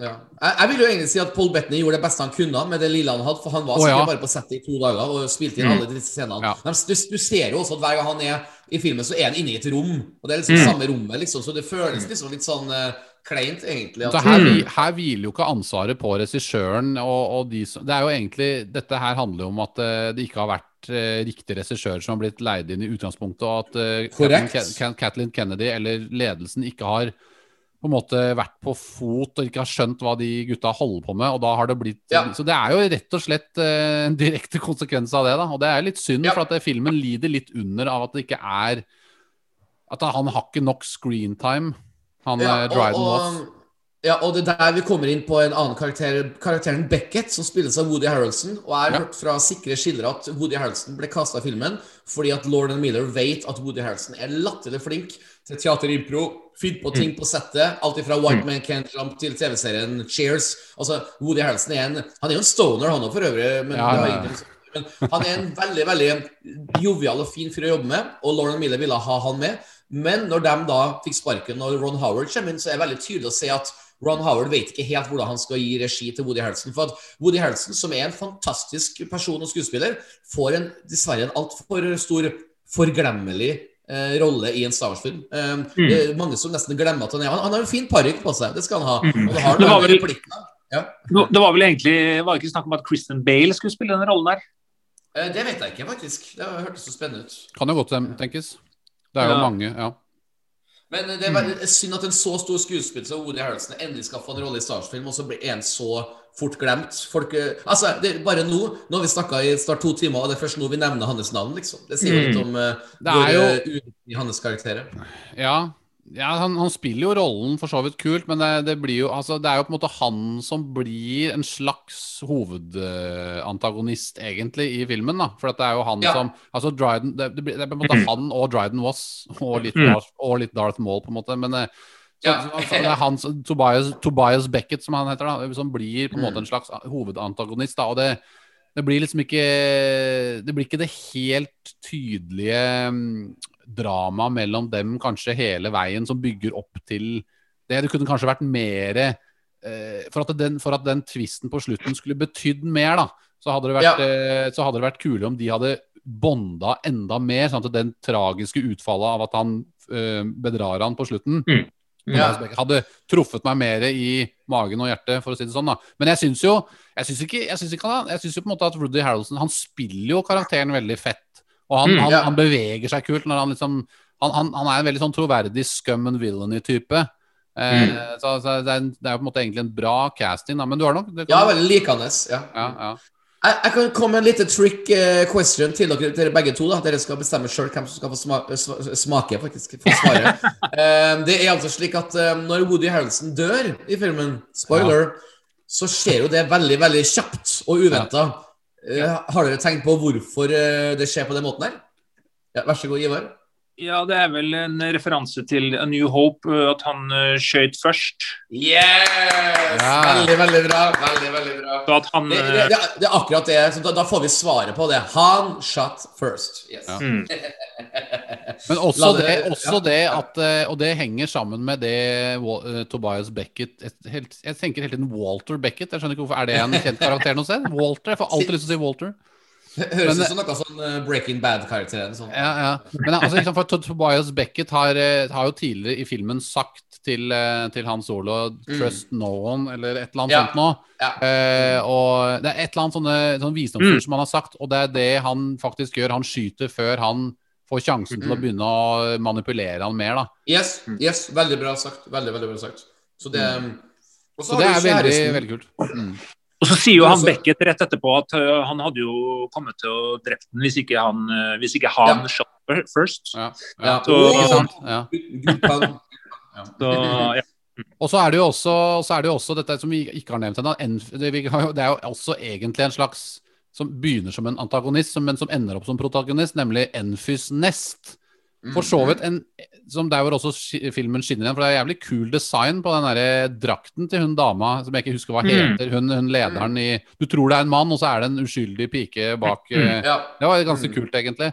Ja. Eh, men det også bidrar til at det er litt ro altså, liksom, Det er sånn, det er så mange antagonister, protagonister Det er, liksom, det er litt sånn Ja. utydelig bilde, da. Hva er hva? Liksom. Det viser seg at Enfys Nest er jo da en de, de kjemper jo på en måte De er på en måte en slags spire en, Eller i hvert fall Ja. en av spirene til The Rebellion, da, på en måte. Mm. Yes, yes. Jeg, jeg, jeg må si to ting her. og Det er jo, det første var når Enfis Nest tok av seg hjelmen. Når jeg satt i kinosalen på premieren, så var jo jeg så spent på hvilken kjent Star Wars-karakter er det som gjemmer seg under hjelmen der. Så Ja. dere kan tenke dere hvor skuffa jeg ble når det ikke var noen kjente fjes. Jeg bare ah, just, just, a, just a girl. Men i ettertid har jeg skjønt greia, for det er jo en slags um, rebel cell som um, Ja. i starten av Men her skal jeg her, her hadde jeg egentlig planer om å snakke helt på slutten av podkasten, men jeg kan si noe. for at um, det her egentlig Lawrence Caston og Jonathan Caston skriver karakteren Han Solo feil. Fordi det som skjer med Han Solo på slutten av filmen, er jo at um, han viser sympati for The Rebellion. Han er snill mot The Rebellion. Han til og med hjelper dem å få sin spice. Og det er jo egentlig veldig selvmotsigende mot den Han Solo vi ser i A New Hope, som ikke vil hjelpe The Rebellion. Så Knut Løksen, what do you think about those apples? Ja, for det, det er jo på en måte De, de gjør den uh, Altså det vendepunktet i karakteren hans som du nevner der, det på en Ja. måte har de egentlig gjort i A New Hope. Og så Yes, gjør de det på en måte når, når, han, når Han Solo kommer og redder Luke i The Death Star ja, I, ha I have you now! Woo! Ja. Great Ja. kid, let's blow this joint! De- det er der Han Solo blir snill. ja. Det, det er jo på en måte Ja, ikke sant? Det er der det vendepunktet hans Så de har på en måte valgt å gjøre det her også, og det, blir, det var litt unødvendig. Uh, han burde hatt liksom no allegiance, han burde ikke hatt noe tilhørighet. Yes. Han, kunne, han, kunne, han kunne godt ha gjort noe liksom. Alle disse leiemord, eller alle disse bounty hunterne, de jobber jo både for The Rebellion, de jobber, for Imperiet. Ja. Ja. han, uh, så, det, så han kunne godt ha jobbet med dem, liksom, men han burde ikke ha hatt noe, noe moralsk Nei. tilknytning nødvendigvis helt enda, da. Eh, Der, der, der forsvinner sexen i filmen, føler jeg. da At um, en så viktig karakterdrap kan du si er så synlig i slutten av filmen. For det, det stemmer jo ikke overens med han Solo vi møter i, um, um, det, i, i kantina, liksom. Mos Eisley-kantina. Det er jo, ja, det er jo mye mer I'm, I'm in it for the money, sister, sier han. Ja, jo, ikke ja. sant? Um, jeg, Ja, ikke sant? så at, Nei, jeg, jeg er veldig, veldig enig i det, altså. Men jeg, jeg liker jo jeg, jeg liker på en måte, selv om det er mange rotet, altså mange elementer i filmen med både Enfys Nest, Dryden Was, Darth Maul, Beckett og bla, bla, bla. Og så Ja. likte jeg den der Enfys Nest-greia, at de er enda en liksom kime til, eh, til uh, The Rebels, da. Til re ja, ja, ja. Det syns jeg var for så vidt en, en kul greie. Og, og jeg har ikke noe imot at Han Solo samarbeider med dem på slutten for å redde sitt eget skinn, for det er jo noe han ville gjort. Men at han på en måte moralsk sett Nei, nå skal vi jobbe for The Rebels uh, her, dere. Ja. Da, da blir det liksom litt uh, feil. jeg, jeg, jeg, bare, jeg, jeg bare føler at uh, Solo burde egentlig ikke blitt uh, introdusert til Rebels i filmen. For han sier I'm not part of the, your revolution. Altså, han er veldig klar og tydelig. Altså, jeg Hope, og det er ikke noe han. Ja. Ivar, har du noen tanker på det? Um, Du er helt enig med meg, tror jeg. ja, ja, ja. Kanskje, det, kanskje de hadde tenkt å ha det i toeren og treeren, at, de, at det skulle inn i toeren og treeren hvis det så ble en solo uh, to og tre. Så kanskje det skulle Ja. bli klart der, jeg vet ikke. Ja, det er jo veldig tydelig at det siste man sier i filmen, er jo liksom Ja, nå skal vi ta oss en tur på Tatooine og betale Jabba, liksom. Ja, det er jo liksom, ja, ja. hinter jo veldig til det at uh, det, det blir neste story. Eh, en, en, en, en siste karakter vi må snakke om før vi snakker mer om filmen generelt, er jo Sandy Newton. En flott skuespillerdame fra England eh, med litt afrikansk opprinnelse, som til og med dukker opp på posteren. Alle movieposters er Sandy Newton med sin funky afro. Og hun bare dør veldig kjapt. Eh, Det var litt sånn eh, Er hun klippet bort av Ron Howard, må tro? Hadde, hun- hadde hun egentlig en større rolle, tror dere? Nja hun hadde jo et forhold med to, Tobias Ja. Det er jo ikke bare hun som dør. Han dør jo, han derre han, Ja, Han ja, firearmede- Rio. Rio. Rio, ja. Han som er Ardenian. Eh, der, må, der må Ivar må tisse litt, tror jeg. Ja, det, det går bra. Jeg, jeg, gjorde det i stad òg. Ja, ja, ja. Bare you sneaky for Kan du ikke bare gjøre en force P? Altså du bare tisser på do mens du sitter her? Det går an, det. Ja, ja, ja. Nei, men eh, jeg, tenk, ja, ja. jeg tenker Altså, på Jeg tenker på, tenker på, um, på at de to døde såpass tidlig. ja. Eh, måtte de dø så tidlig? Jeg ville jo gjerne hatt et crew som på en måte kunne være med hele veien. Litt sånn som i Rogue One, da. Ja, ja, og- der, der, der dør de jo på slutten, og de har Man føler virkelig noe mellom eh, Hva heter nå han blinde i Rogue One og han med med Han, plasmagunneren eh, han, han med asiatisk opprinnelse. Eh, Ja, ja, ja. Ja. The Asian eh, Blind Force uh, fan Sure. leader. Ja, nei, han, han, han, han, han som, han som av, avslører plottet på presseintervjuet. Ja, ja, ja, stemmer. oh lord. Ja, is it legal? Nei da. Men, men, men eh, nei, for jeg, sy jeg, syns, jeg syns det var litt trist nå at eh, når jeg så Solo, så slo det meg litt igjen. Det, apropos hva slo meg på nytt, eller var, var det noen nye ting jeg oppdaget? Ja, jeg syns, jeg syns det var synd at de døde så tidlig. De kunne Ja. heller dødd i et eller annet klimaks nærmere slutten. Eh, Ja, for ja, han, ja. Han Rio-karakteren er også jævlig kul. Han er Ja, en og- Star Wars-karakter. Både fysisk, han er en morsom alien. Han er pilot. Han er eh, Han, eh, han også Når, når, når eh, en av disse Enfys Nest-soldatene kommer inn i skipet der, så, så, så tar han to Han tar to gønnere med de to, to Ja. armene sine og peker dem bakover. Ja. Kjempetøft, eh, kjempetøft ja. regissert. Kjempekule valg. Ja, og så Jeg skulle ønske og John Favreau Unnskyld. unnskyld. Ja, fordi Jeg skulle ønske de kunne spart dems død, for det, for det er bra Ja. karakterer. Og du dreper dem i en ganske tidlig actionscene når vi ikke har rukket å kjenne dem så godt ennå. Ja, litt sånn Why? du mangler Du vil ha sånn Oceans Eleven-ensemble litt lenger i filmen. Ja. De, det hadde Også- betydd så mye mer. ja Ja. Eh, og så er det noe med at han John Farrell som stemmer stemmen til Rio, han bare Is that a Wookie? Liksom, han, han skaper en sånn Ja. eh, herlig energi. Ja. Og faen, kult, vi får flere på laget. Kult. Ja. Og så plutselig bare Nei, jeg, jeg skal dø.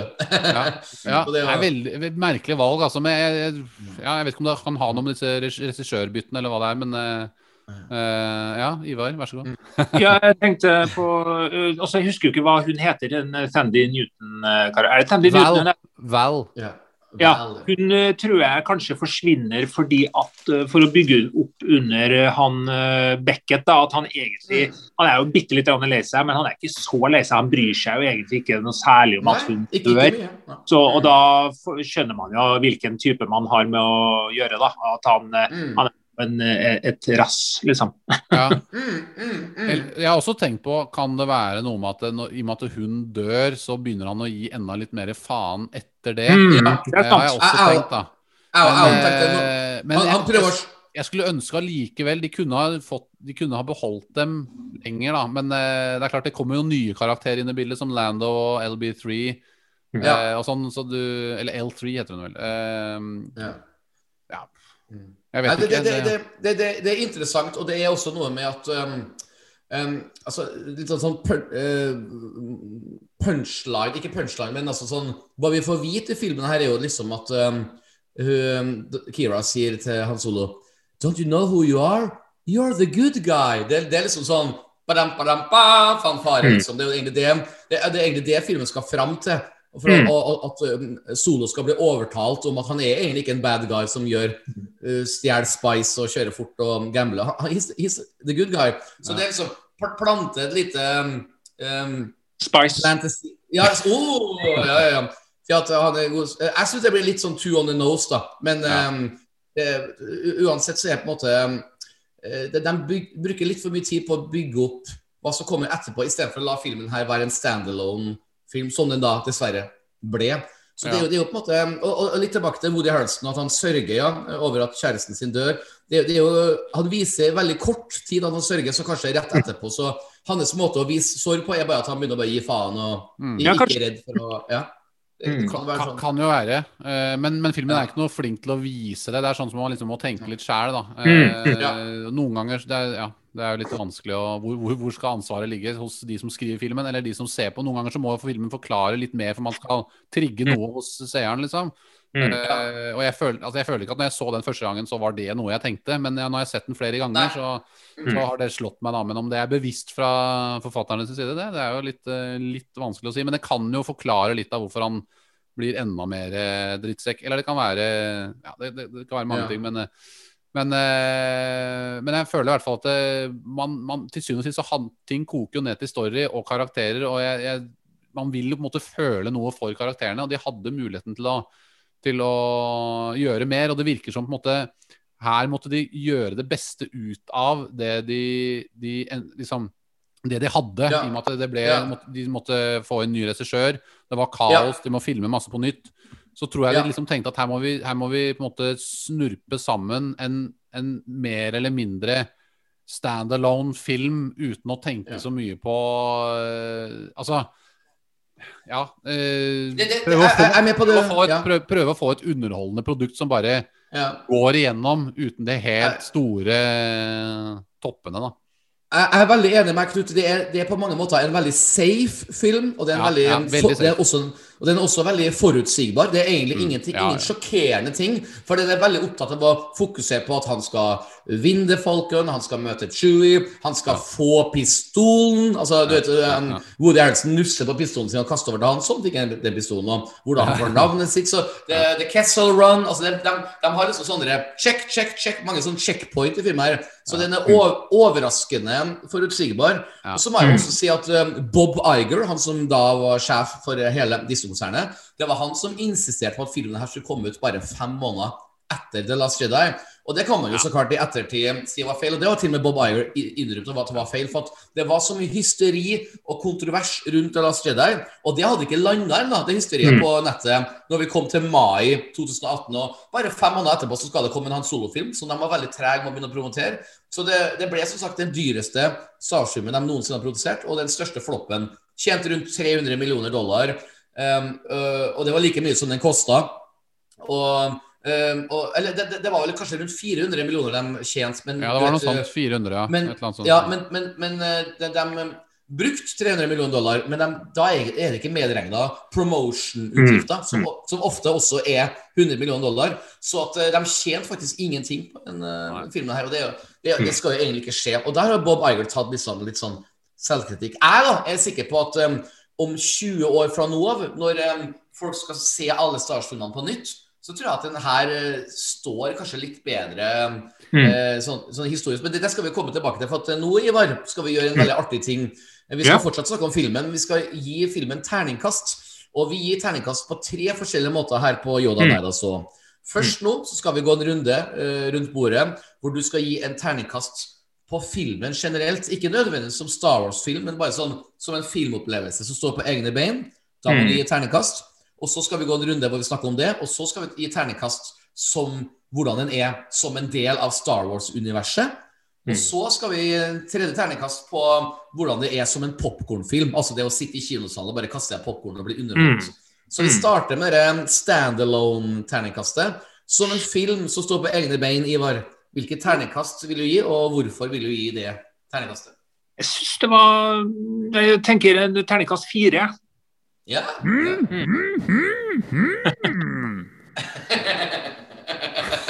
ja fire jobber. Sterk, firer. Ja, ja. Eh, eh, eh, jeg, vil faktisk eh, Eller eh, vil du begrunne noe mer, eller skal vi bare gå rundt bordet og gi, gi flere terningkast? Jeg uh, syns det var morsomt, jeg ble underholdt og sånn, men det er ikke den beste historien, kanskje. Men, og jeg også syns skuespillet var bra, men øh, det er liksom plusser og minuser her, da. Ja. Ja. Og jeg lo en del ganger, og hvis jeg ler noen ganger, så er det jo Da er det jo da, da, da blir man underholdt. Ja. Ja, hvis jeg ler et par ganger i en film, to-tre ganger i en film, så er, da begynner vi å touche borti femmeren. Liksom. Det er ikke så mye mer som skal til. Veldig lett å, å please. Så, um, ja, så jeg syns det var en sterk firer, egentlig. Altså. Jeg, jeg, jeg kan gå nummer to, Knut, bare for å gjøre litt variasjon på det fra eh, podkastepisode til podkastepisode. Og jeg vil faktisk si meg ekstremt enig med Ivar at som en enestående film, altså eh, enkeltstående film, så er det her en su... Ja, den er enestående. Jeg, jeg gir den en supersterk firer sjøl, fordi at eh, den, den faktisk har noe underholdningsverdi i hver eneste scene. Og det er koselige snakkescener, og det er visuelt fest. Artig casting, og det er Du, du, du, fø- du, du, du, du har ikke en du sitter ikke igjen med noe irritasjon etter det, Mm. filmen her på noen stor grad. Så for meg også får den en eh, sterk firer. Hva med du, Knut? Jo da, jeg er, jeg er i samme land som dere. Jeg, eh, det, den er eh, Altså, storyen er det svakeste elementet. Eh, Det skal, eh, fordi at det er den, den, den, den har ikke en veldig fokusert, interessant story med store topper og store dramatiske personlige dramaer og sånne ting. Så det, det trekker en del ned. Men det er akkurat som du sier, det er en ekstremt visuelt sett veldig lekker film. Eh, mange kunne sånn Kessel Run med Star Destroyeren inni skyene der og bla, bla. Altså masse sånne Masse visuelle grep, masse det kreative der er, eh, er eks eksepsjonelt bra. Eh, musikken har vi glemt å si, er også jævlig kul i den filmen der. Eh, Enfys Nest-teamen med disse her ko- barnekoraktige greiene som kommer i bakgrunnen, har du lagt merke til det? Også drittøft. Det er noen sånne uh, Så mm, jeg er på en sånn småsterk firer. Ikke, kanskje litt under deres sterkhet der, men sånn så vidt litt over fire. Veldig, veldig bra. Det var artig at vi er enige, men nå skal jeg prøve å forklare neste terningkast litt bedre. fordi at um, I en Star Wars-kontekst så går det jo så klart an å være mer positivt, for because it fills in the blanks ikke sant, på ting du har lurt på hele ditt liv, Kessel Run og slike ting. Så um, Ivar, hvilket ternekast vil du gi filmen her som en um, Star Wars-film? Som en del av en tolvfilmers uh, uh, saga? Ja, da jeg er jo pleier å være ganske positiv da, med mine terningkast. Så nei, jeg vil kanskje si eh, da, i den sammenhengen så en femmer, egentlig. Tror jeg. ja, ja, ja. Så New Hope for meg er jo en soleklar sekser, og det er jo femmeren nå. Så den herre um, Empire Strikes Back. Uh, og så mm, den herre mm, episode seks er vel en femmer, og det er kanskje solo Mm. også. Er det fem, det? Mm. ja. Og Jeg- jeg- Mandalorian, Mandalorian er en, også en sekser, da, i min, i min Ja. Du, du, du, you're speaking our language. Du snakker vårt språk. Jeg må jo bare henge meg på Ivar. Jeg, skjønner jeg blir litt sånn ivrig her, for du, vi er veldig enige. da Og jeg må jo si at um, i en Star Wars-kontekst, hva den filmen her leverer, og hvordan den passer inn i den originaltrilogien som jeg er mest glad i, så vil faktisk jeg gi solo-filmen en hold dere fast. Dette er litt eh, kontroversielt. Altså. Jeg, vil, jeg vil gi den en skikkelig svak sekser.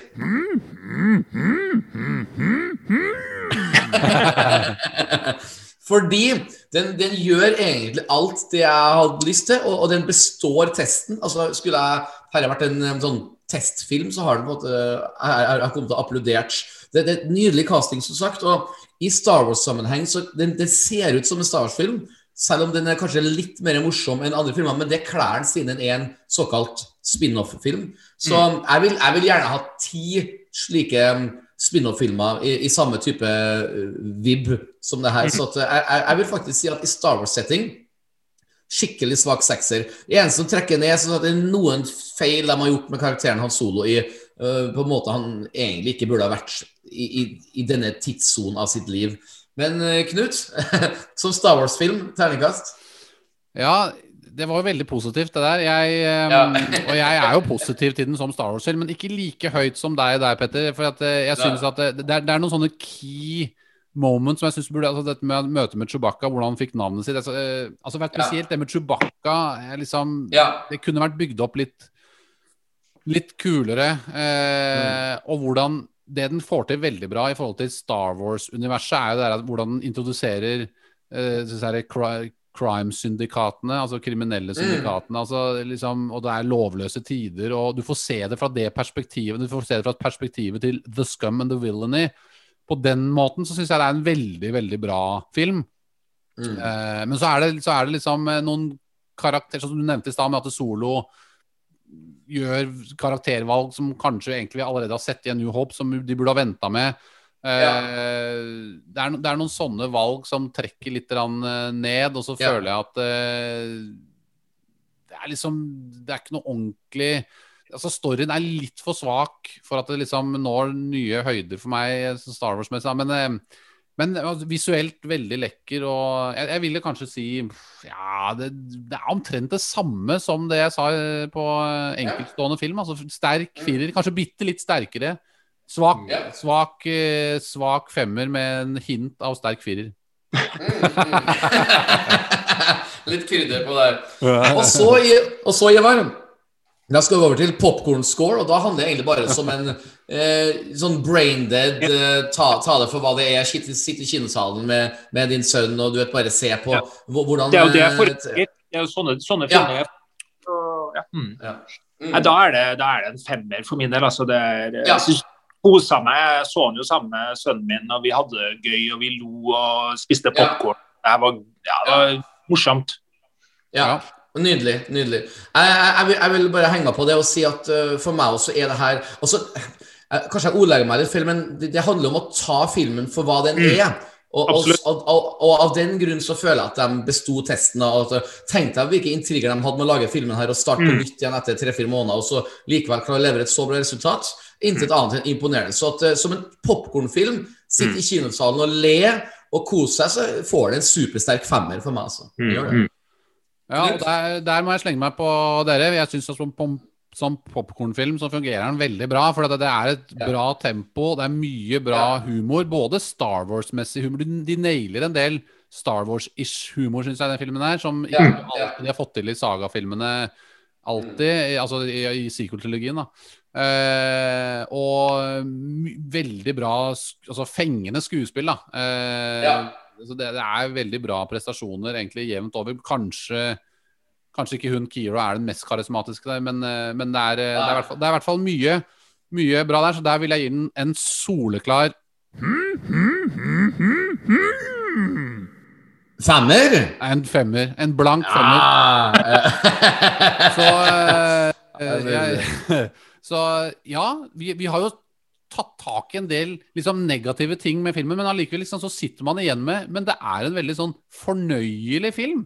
Den, den, mm. har, den har en fortjent plass i Star Wars-historien. Det, det har den virkelig. Og den har nok vokst seg litt grann bedre med årene. Et, jeg, t- som du sier, den kom altfor tett på The Last Jedi. Oh, ja, ja, ja. Jeg tror nok at Disney var veldig stressa på oh, vi må få ut noe bra. Nå er alt så splittet. Vi må bare Nå har vi dette, vi må få dette ut så vi klarer å rette det opp kjapt. Men eh, Kanskje de tenkte noe sånt, men jeg tror det var, eh, det var for reaksjonært i så fall. Da, hvis de tenkte De burde ha Ja, ja. venta Eh, kanskje de kunne til og med brukt tid på å gjøre, forbedre Gitt litt mer screen time til Dryden Voss, eller gjøre noen sånne små korrigeringer. Eh, jeg skjønner at tid er penger i den industrien der, men eh, de, de hadde jo de hadde jo tid til jul, da. Eh, Det kom jo selvfølgelig an på Ja. hva annet som kom ut den julen. Det husker jeg ikke helt. Fra Disney, ja. Ja, men, men altså, jeg må bare ikke nødvendigvis fra Disney, men fra andre konkurrerende filmselskaper. Ja, ja. For de kan, Så klart. plutselig så passer det ikke, for de må konkurrere mot Avatar eller whatever, liksom. Ja, ja, ja. Nå er Men jo jeg- det jeg jeg- Disney, da, men Ja, korrekt. Jeg, vil- jeg, vil, jeg, vil, jeg, vil, unnskyld, jeg vil bare si at um, uten å være noen ekspert på feltet, så er jeg rimelig sikker på at hadde de venta med filmen helt, helt til desember 2018, altså Ja. utsatt den i seks måneder til, så hadde den garantert fått litt bedre da Fansen, Star Wars-fansen har fått eh, større pusterom ja. og så gleder jeg seg til for Star Wars eh, siden 2015 har blitt en sånn en desemberfenomen. Ju, Ja. ju, eh, julefenomen, romjulfenomen. Ja. Og det, det klær Star Wars. For de originale filmene, de, originale, de første seks var jo mai-filmer. Ja. Men så begynte de med disse eh, desemberutgivelsene. Almost by accident fordi at Force Awakens måtte utsette, utsettes i seks måneder. Så at, eh, det, det, er på en måte, det er ganske fascinerende å tenke på at eh, hadde de venta, så tror jeg flere folk har kommet til å se den. Fordi jeg kjenner faktisk Star Wars-fans som ikke gikk på kino og så solofilmer. Fordi man hørte hørt at den var sånn og sånn og sånn. Ja. Og det, var, det var så kort tid siden eh, Last Jedi. Og jeg bare What?! Går det an for fans å ikke gidde å dra på kino og se Star Wars? Ja, kanskje hvis det blir for mye av det. Og det ble for mye. Og vi blir litt bortskjemt. Og vi trenger ikke mer enn én Star Wars-film i året. Kanskje til og med enda sjeldnere, for å si rett ut. For mm. no, no, på, I en femårsperiode nå så fikk vi fem filmer på fem år. Og um, folk er mer, er mer glad i å klage enn å være takknemlig. Jeg så klart prøver å være med på den takknemlige sida. Men det, det er et veldig interessant fenomen. Nå, nå er jo Disney Pluss som skal ta over eh, litt av den skuta, med, også i Star Wars og Marvel-sammenheng. Så at, eh, det blir spennende å se framover. Men er det én ting jeg og Knut har oppdaga når vi snakka om The, The Mandalorian i fjor, så er det jo at eh, Star Wars passer også godt på, film, på, unnskyld, på, på TV. Men det er, jo noe, det er jo noe ekstra artig å se det på kino. Det må jeg jo bare si. Ja, men vi får, vi får muligheten til det gjennom at jeg tror at de TV-seriene kommer til å muligens kulminere i noen filmer. Yes. De har jo i hvert fall en Yes. unik mulighet til å få det til. da. Mm. Uh, Ja. så, ja. Men jeg, jeg kjente jo på det litt selv. For jeg så, jo, jeg så jo selvfølgelig Solo på kino, men jeg kjente jo på den der, Jeg hadde ikke en sånn umiddelbar lyst til å løpe ut. Jeg så den ikke på premieren, f.eks. Eller sånn Mm. umiddelbart etter premieren. Jeg så Mm. den kanskje en uke etterpå, eller et eller annet sånt noe. Ja. Mm. Eh, og det var liksom ikke den der store sulten. Og det var ikke fordi at jeg, jeg likte jo The Last Jedi, men, men, men samtidig så var det vel mye sånn bråk rundt den, og den gjorde noen sånn kontroversielle valg. Og da, da kom den her såpass tett på at hvis de hadde latt det liksom få hvile litt og liksom forsvinne Ja. litt, fordufte litt, grann, Ja. så hadde folk fått den sulten tilbake, og så bang, så kom jeg og ser solo. Det hadde vært mye smartere, jeg forstår egentlig ikke hvorfor de valgte å gjøre det sånn. Så det må, må bare være Det eneste jeg kan tenke nå, er fordi at det, eventuelt det året så var det annen konkurranse mot eh, solo, eventuelt i desember. da Jeg husker ikke hvilke filmer som kom ut i desember 2008. Nei, altså eh, jeg skal la Ivar få prate, men jeg må bare si en liten ting til. Altså, at Den tjente som sagt rundt 400 millioner dollar, som er ekstremt lite i Star Wars-sammenheng. For at Force Awakens hadde jo noe sånn 2,18 millioner dollar. Og til og med Rogue One hadde over 1 milliard eh, dollar. Altså sa jeg millioner, jeg, mente altså mil, eh, 2,8 milliarder. Så at eh, det, og, og Last Jedi hadde også over 1 milliard dollar. Så at, eh, 1,3 milliarder. Mm. ikke sant? Så, så det som er spesielt da med Solo, er at det var en katastrofal flopp. Altså, så det, det jeg har fått hørt da, i, av uh, the, the Powers That Be, er at um, det var en kjempekrisemøte som Bob Iger satt sammen med Kathleen Kennedy, og han innser på å få med Kevin Feige fra Marvel til å være med på det møtet, sånn livestream-møte, kort tid etter Solo floppa. For uh, nå må vi lære av hverandre, altså og lære av Marvel. fordi at uh, det, det her er jo tydelig at vi må slutte å lage Star Wars-filmer så kjapt. For at de fungerer ikke like bra som Marvel-filmene, som gjør det mye mye bedre. Så at, uh, de hadde ordentlig krisemøte. Og da var det også litt beleilig at Disney Pluss var rett rundt hjørnet, og da ble all fokus satt på det. Så det, det her, Man kan egentlig si at solofilmen er historisk i Star Wars-sammenheng, for det jo den som forandra på hele greia. Og som igjen dessverre fikk dem til å safe enda mer på The Rise of Skywalker, som endte opp, som, i my humble opinion, som en enda større katastrofe, selv om den tjente mer, mer enn 1 milliard på box office. Mm. Ja. Så, Jeg ser nå? Ja. Jeg nå på hvilke filmer som ble utgitt i desember 2018 eh, på, til jul. Ja. Det er Det er Aquaman. Mm. Ja, det er jo selvfølgelig stor konkurranse. Som var en, som var en stor suksess. Ja. Som var en stor suksess. Bumblebee, den, Transfor den uh, Transformers-filmen. Også Mortal Engines. Uh, uh, Renegades, aldri hørt om. eh, Second Act. Once Upon a Deadpool, den derre jule-re-releasen av Deadpool. Ah, den så aldri. Altså noen andre ting. Holmes and Watson, den komedien. Marv, Welcome to Marvel. Så det, ja, den Ja. var jo litt konkurranse her. da Bum- Bumblebee, Aquaman er jo sånne typer sånn, ikke noe sånn gigantisk Nei. konkurranse heller, da, bortsett fra Aquaman, kanskje. Ja, Aquaman Ja, vil jeg si er den største. Bumblebee tror jeg også tjente en del, Ja, okay. men ikke i nærheten av like Den er sånn type Bumblebee er, var, tjente nok i litt det samme land som Solo, kanskje 400-500 millioner eller noe sånt nå. Tror det var et eller annet sånt. Mens Aquaman har vært- tjente jo over en milliard dollar. Det, det gjorde det, det, hadde ingen forutsett. Så Aquaman ble jo sett som en eh, punchline i alle dere Entourage-TV-seriene ti år i forveien. At oh, I gotta lead Aquaman det er sånn den superhelten som aldri vil bli en suksess. liksom. Ja. Men jeg må jo si at hadde Solo kommet og blitt gitt, gitt ut i desember, samtidig som Aquaman, så har jo fansen begynt sånn What? Boba Fett is in Aquaman? Ja, Boba Aqua. Ja, men jeg, jeg tror at Solo kunne ha gjort det bra der, altså, for at det, Ja, ja, det tror jeg. Og det, noen ganger så er det også litt sånn at at eh, the high tide raises all ships. At hvis du har liksom flere bra ting, så går folk mer på kino. Og juletiden er, Ja. jo, er jo Folk er, har fri, liksom. Du har jo tid til å gå på kino òg. Ja, ja. Og så er det ikke det er noe godt vær, ikke sant. Du har ikke noe Nei. I mai så har du jo mest lyst til å være ute og grille. Ja. Ja. akkurat. Definitivt. Ja, Definitivt. absolutt. Så det Altså, der, det, det der var kjempetabbe, Disney. Hør på oss. Ja, men, men som Bob Iger sa for et par år tilbake, han tok på seg skylden. For, at, for det var han som insisterte på at den her skal ut i mai. Ja. Så, Det er jo mange som har tradisjon med å sitte og se Star Wars i jula. da. Det har jo blitt en Mm. Tradisjon for veldig mange. og det, De går jo ofte på TV også, de filmene. Eller har gjort det før. da. Eh, mm, Da har jo de Star Wars-filmene gått på TV og, i jula. og mm. eh, Så Nei, merkelig, merkelig valg, egentlig. Mm. Det, det, det blir spennende å se framover nå om NRK, TV 2 og slike kanaler har lo, helt tatt lov til å vise Star Wars nå igjen, siden Disney Plus har liksom absolutt alle rettigheter på sine. Kanskje Disney Plus ikke vil lenger lisensiere bort Star Wars-filmene, slik at man må se dem på Disney Plus. Det tror jeg kommer til å skje. Ja, det kan godt? Eller, nei, ja.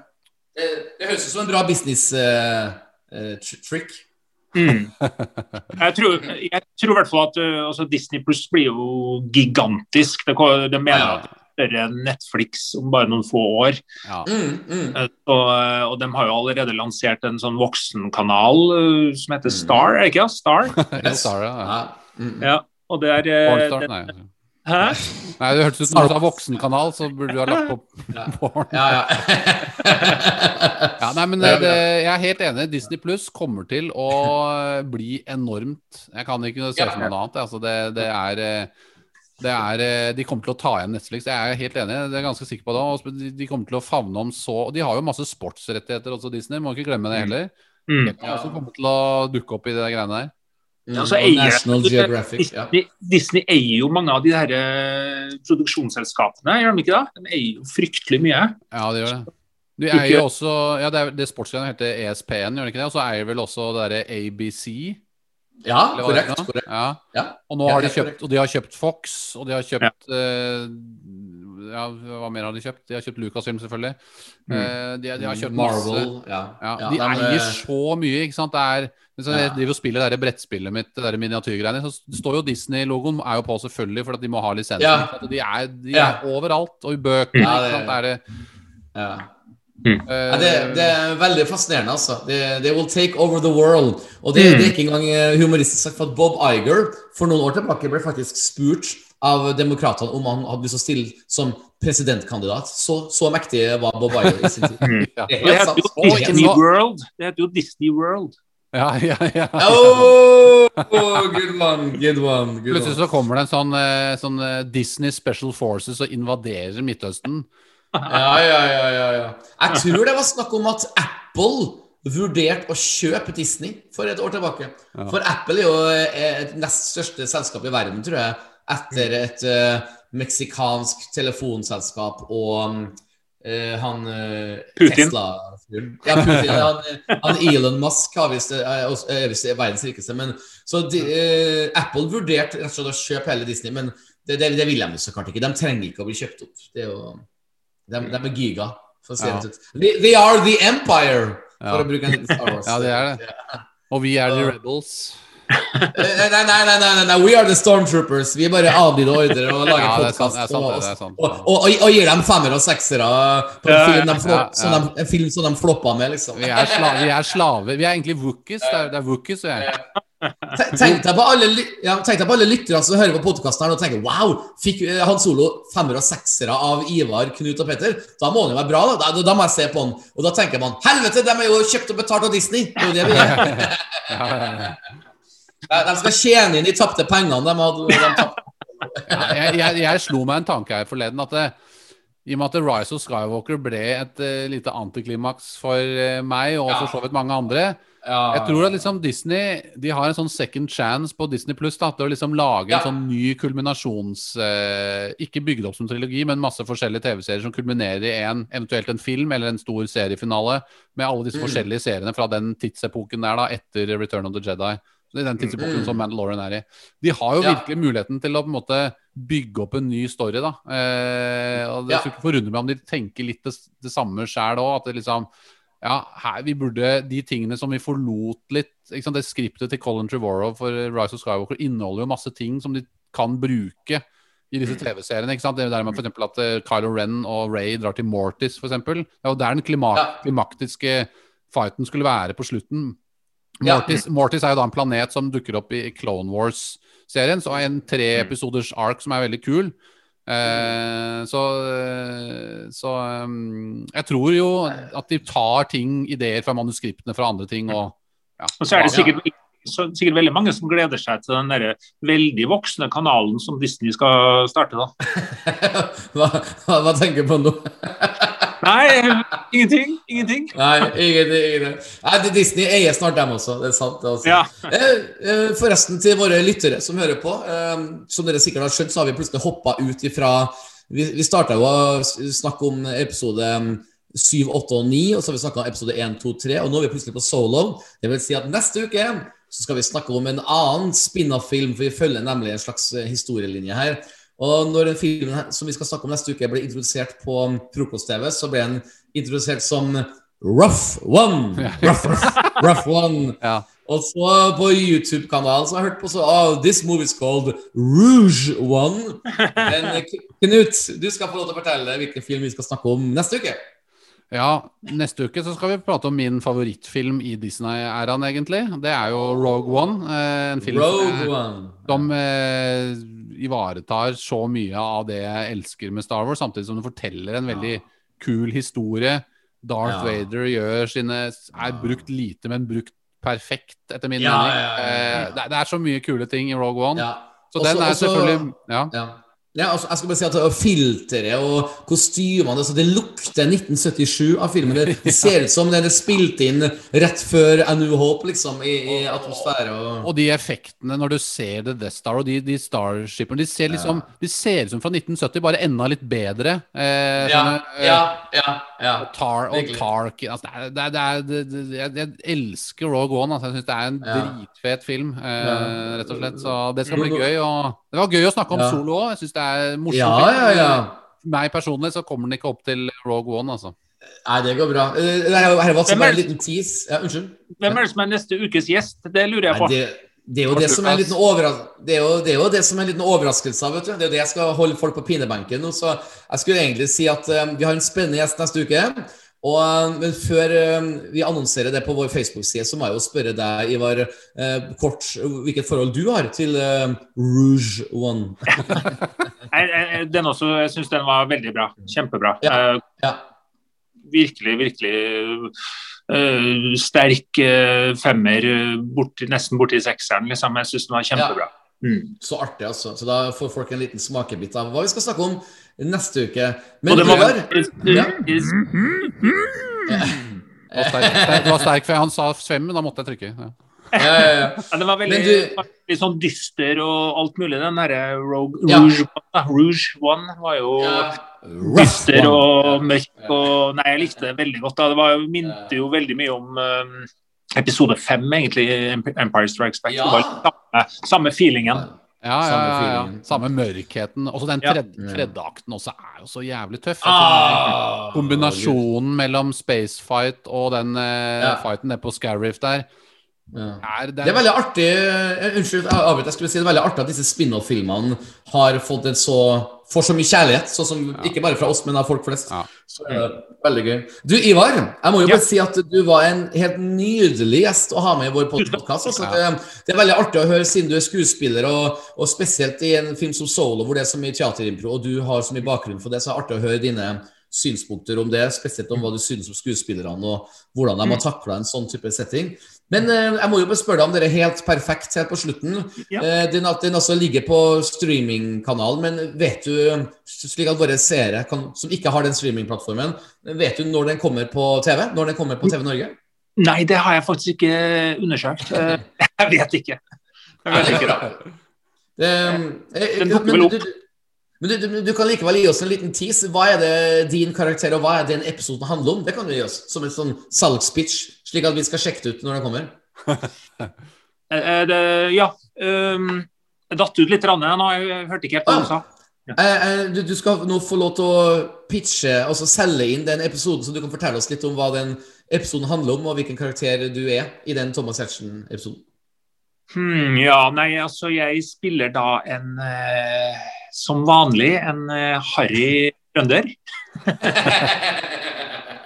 Og eh, ja, jeg har måttet farge håret mitt da, for rollen. Måtte bleke håret mitt. og Jeg ser jo ikke ut. Jeg måtte jo gå med det her i det farga håret en hel måned. Mm. Eh, og det var jo Det likte jo ikke kona mi noe spesielt. Ja, det Jeg så jo jeg så ikke ut. Og vi, vi reiste jo til eh, Amsterdam sammen uh, i det, under den innspillinga, bare en liten helg der, da. Og da det, Stine, kona mi, da, hun sa jo at hun var på tur med scooter, liksom. Men uh, hva, hva handler den episoden om som du er med på? Er er det en, en spennende storyline som foregår? Ja, det er jo en eh, morsom episode som eh, Det handler om eh, eh, han Gjertsen, altså Thomas Gjertsen og Ine, som, eh, som eh, har lyst til å komme seg inn i, mm, i eh, travsportmiljøet. Eh, De har jo hele tida lyst til å det Helt perfekt handler jo mye om status, at de skal få bedre status. Og de vil da i denne episoden her komme seg inn i eh, med veddeløpshester og sånne ting. De prøver å kjøpe seg inn i, i den verden der. Da. Og eh, da treffer de meg, da, blant annet. Mm. Travsport. det er så artig. Nei, vi, vi gleder oss veldig til å se på. Det, og og, og for, for de som eh, kan se det nå, hvilken sånn streamingplattform ligger episoden på nå? Tror den ligger på det som het Dplay før. Det er vel det Ja. Discovery nå. Ja, Discovery Plus, tror jeg det heter. Ja. Mm. Den, heter norsk, den episoden heter Norsk Derby, heter den. Okay. Norsk ja. Derby. Ok, Mm. Norsk Derby. Ja, men Så gøy. Eh, jeg gleder meg veldig til å se den, virkelig. Eh, og um, lykke til videre med andre framtidige gjesteopptredener i Tusen takk. og velkommen Ja, tilbake som eh, gjest, skulle det passe en dag. Vil gjerne. Ja, for, for det skal du vite, skjønner Ivar, at når eh, det, Disney Plus begynner å komme med nye TV-serier, altså episoder av Star Wars, så har vi tenkt å invitere tilbake alle våre gjester til å bli med på enkeltepisodeprat. Så for eksempel hvis du liker veldig godt eh, episode tre av den eh, kommende Boba Fett-episoden, så vil vi mer enn gjerne ha deg tilbake som gjest, slik at Ja. vi kan prate litt om eh, både deg og hva du synes om den likte serien. veldig godt eh, episode én i eh, sesong to av uh, Åh. Lorian. Oh, oh, love it! Med- Det var sånn en film. Sam. Ja, ja, ja. Kjempeepisode. Det var den beste Det episoden. Ja. det var John Farrow som hadde regi på den episoden, faktisk. Veldig Ja, morsomt. det var Kanon. Det var- Så det, det var min nest eh, Altså min eh, fra sesong Ja. to, i hvert fall, var den nest beste Ja. episoden. Var nesten like bra som den siste episoden. Ja, Og- ja. Når, man, liksom, når jeg ser det i sammenheng med sesong 1, så ser jeg nesten er kulere enn eh, episode 7 og 8 også i, i eh, Eller 3, 7 og 8 i sesong 1 nå. Nesten, i hvert fall. Jeg er i hvert fall veldig jevn med dem. Eh, Så det sier litt om eh, Jeg håper at John Favreau kommer til å regissere mer, da. Det, det, ja, ja. han er så bra. Han, han nailer jo de, de stemmeskuespillene hans. Han, han spiller jo han derre Happy i Spiderman-filmene. Han er Ja, ja, ja. ja. bare Han er the man. Eller, eller Og Iron Man-filmene også. Ja, ja, ja. ja. Han, er, han er bare Han er helt rå, altså. Jeg, jeg kan, jeg Og også dele på, også på teknologiske ting også. Han har veldig Ja. innsikt i Altså, Det er ikke alle som kan smykke seg med alt det han gjør. Skuespiller, stemmeskuespill, regi, Ja. eh, teknisk eh, altså innovativ. Eh, Altså, er- Writer. Writer. Ri- Ja, ikke sant? Er, ja. Vi, skal være, vi skal være veldig glad for at han er i, under vingene til Disney Pluss nå. Altså. Eller, Ja, ja, ja, virkelig. Eh, han var jo han som hadde regi på den første I- Iron Man-filmen også. Og det er jo en av mine favoritt-Marvel-filmer. Ja, ikke sant? Den er jo dritkul. Ikke så og, og, toeren, da. Nei, ikke så mye tål. Og, og filmen 'Swingers' var jo han som styrte også, for back in the day. Men Veldig bra. komme, ja, virkelig. Jeg kan komme med en liten Star Wars-trivia om John Farrow og den episoden som du, som du likte, Ivar. Den episode én fra sesong to. Det var slik at akkurat når det store, mon når monsteret kommer ut fra den hula, da skjer det noe på skjermen til folk som ikke folk skjønner. For at um, den går fra widescreen til big screen, eller motsatt. Jeg vet ikke hvordan jeg skal ordlegge meg. Klarer du å ordlegge deg bedre, Knut? På hver prøve å si? Ja, den går fra vanlig aspekt, altså widescreen TV, TV, altså vanlig aspektratio som vi har på TV-er, til, eh, til eh, true, hva kaller de det? True widescreen, altså det som er Ja. kinolerret, da. Som er Ja, en, ja, enda ja. bredere format. Ja, så, det, så da, vil monsteret på en måte fly nesten sånn tredimensjonelt inn i, ditt, eh, i, i din stue, liksom. Hvis du har det rette TV-en, så klart. Veldig morsom Det er scene. Ja, Ja, så han, og så kom han med et uttrykk der som jeg ikke hadde hørt før. Jeg vet ikke om du har hørt det før, Ivar? Noe som han kalte det, for han, han brukte et teknikk der som heter dolly zoom. Nei. Har du hørt om det? Nei, Nei. men han sier det jo veldig Og det er akkurat når den dragen kommer ut, så skifter jo da et sekund uh, kamera til uh, han uh, The Marshal. Altså um, Mm. oh, ja, ja, ja, ja, ja, ja. Hvor du da får et sånn type ansiktsuttrykk fra en skuespiller som på en måte beskriver det han ser på. Og Det kalte han for the dolly zoom. Altså, og det Det har, han, er- det har han fra Haisommer. Ja, eh, jeg, kan forklare det, Ivar. Det, det er sånn at eh, ansiktet på skuespilleren som er filma, står i ro, mens bakgrunnen Ja, ja, ja, får en zoom på seg. ja det Eh, er veldig- Hitchcock-effekt, liksom. Hitchcock-effekt. Ja, Ja, på en måte. På en måte ja. På en måte. det skjer ja, Og det, det er veldig, veldig tøft. Jeg, jeg, jeg, syns at eh, alle filmer burde hatt den zoomen hele tida. en, en siste tradisjon, Ivar, som ikke du er klar over, som du må ta på sparket. Når vi avslutter hver episode, så må vi avslutte med et eller annet lyd eller sitat fra den filmen vi har prata om. Så vi skal starte med Knut her. Og så er det min tur, og så skal du få lov til å avslutte. Og da bare går vi rett over til vignetten, så da takker vi for oss, liksom. Så Knut, Jeg avslutter, med, jeg avslutter med å si fra mange morsomme humorsitater fra Solo, så sier jeg 119 years old! You look great! da må jeg så klart si eh,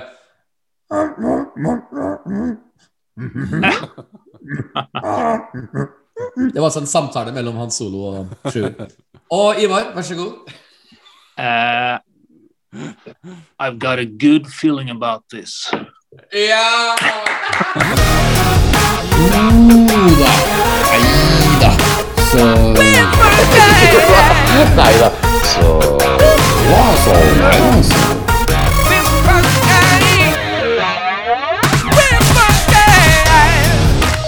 Nei da. Så Jo da. Nei da. Så Jo da. Nei da. Jo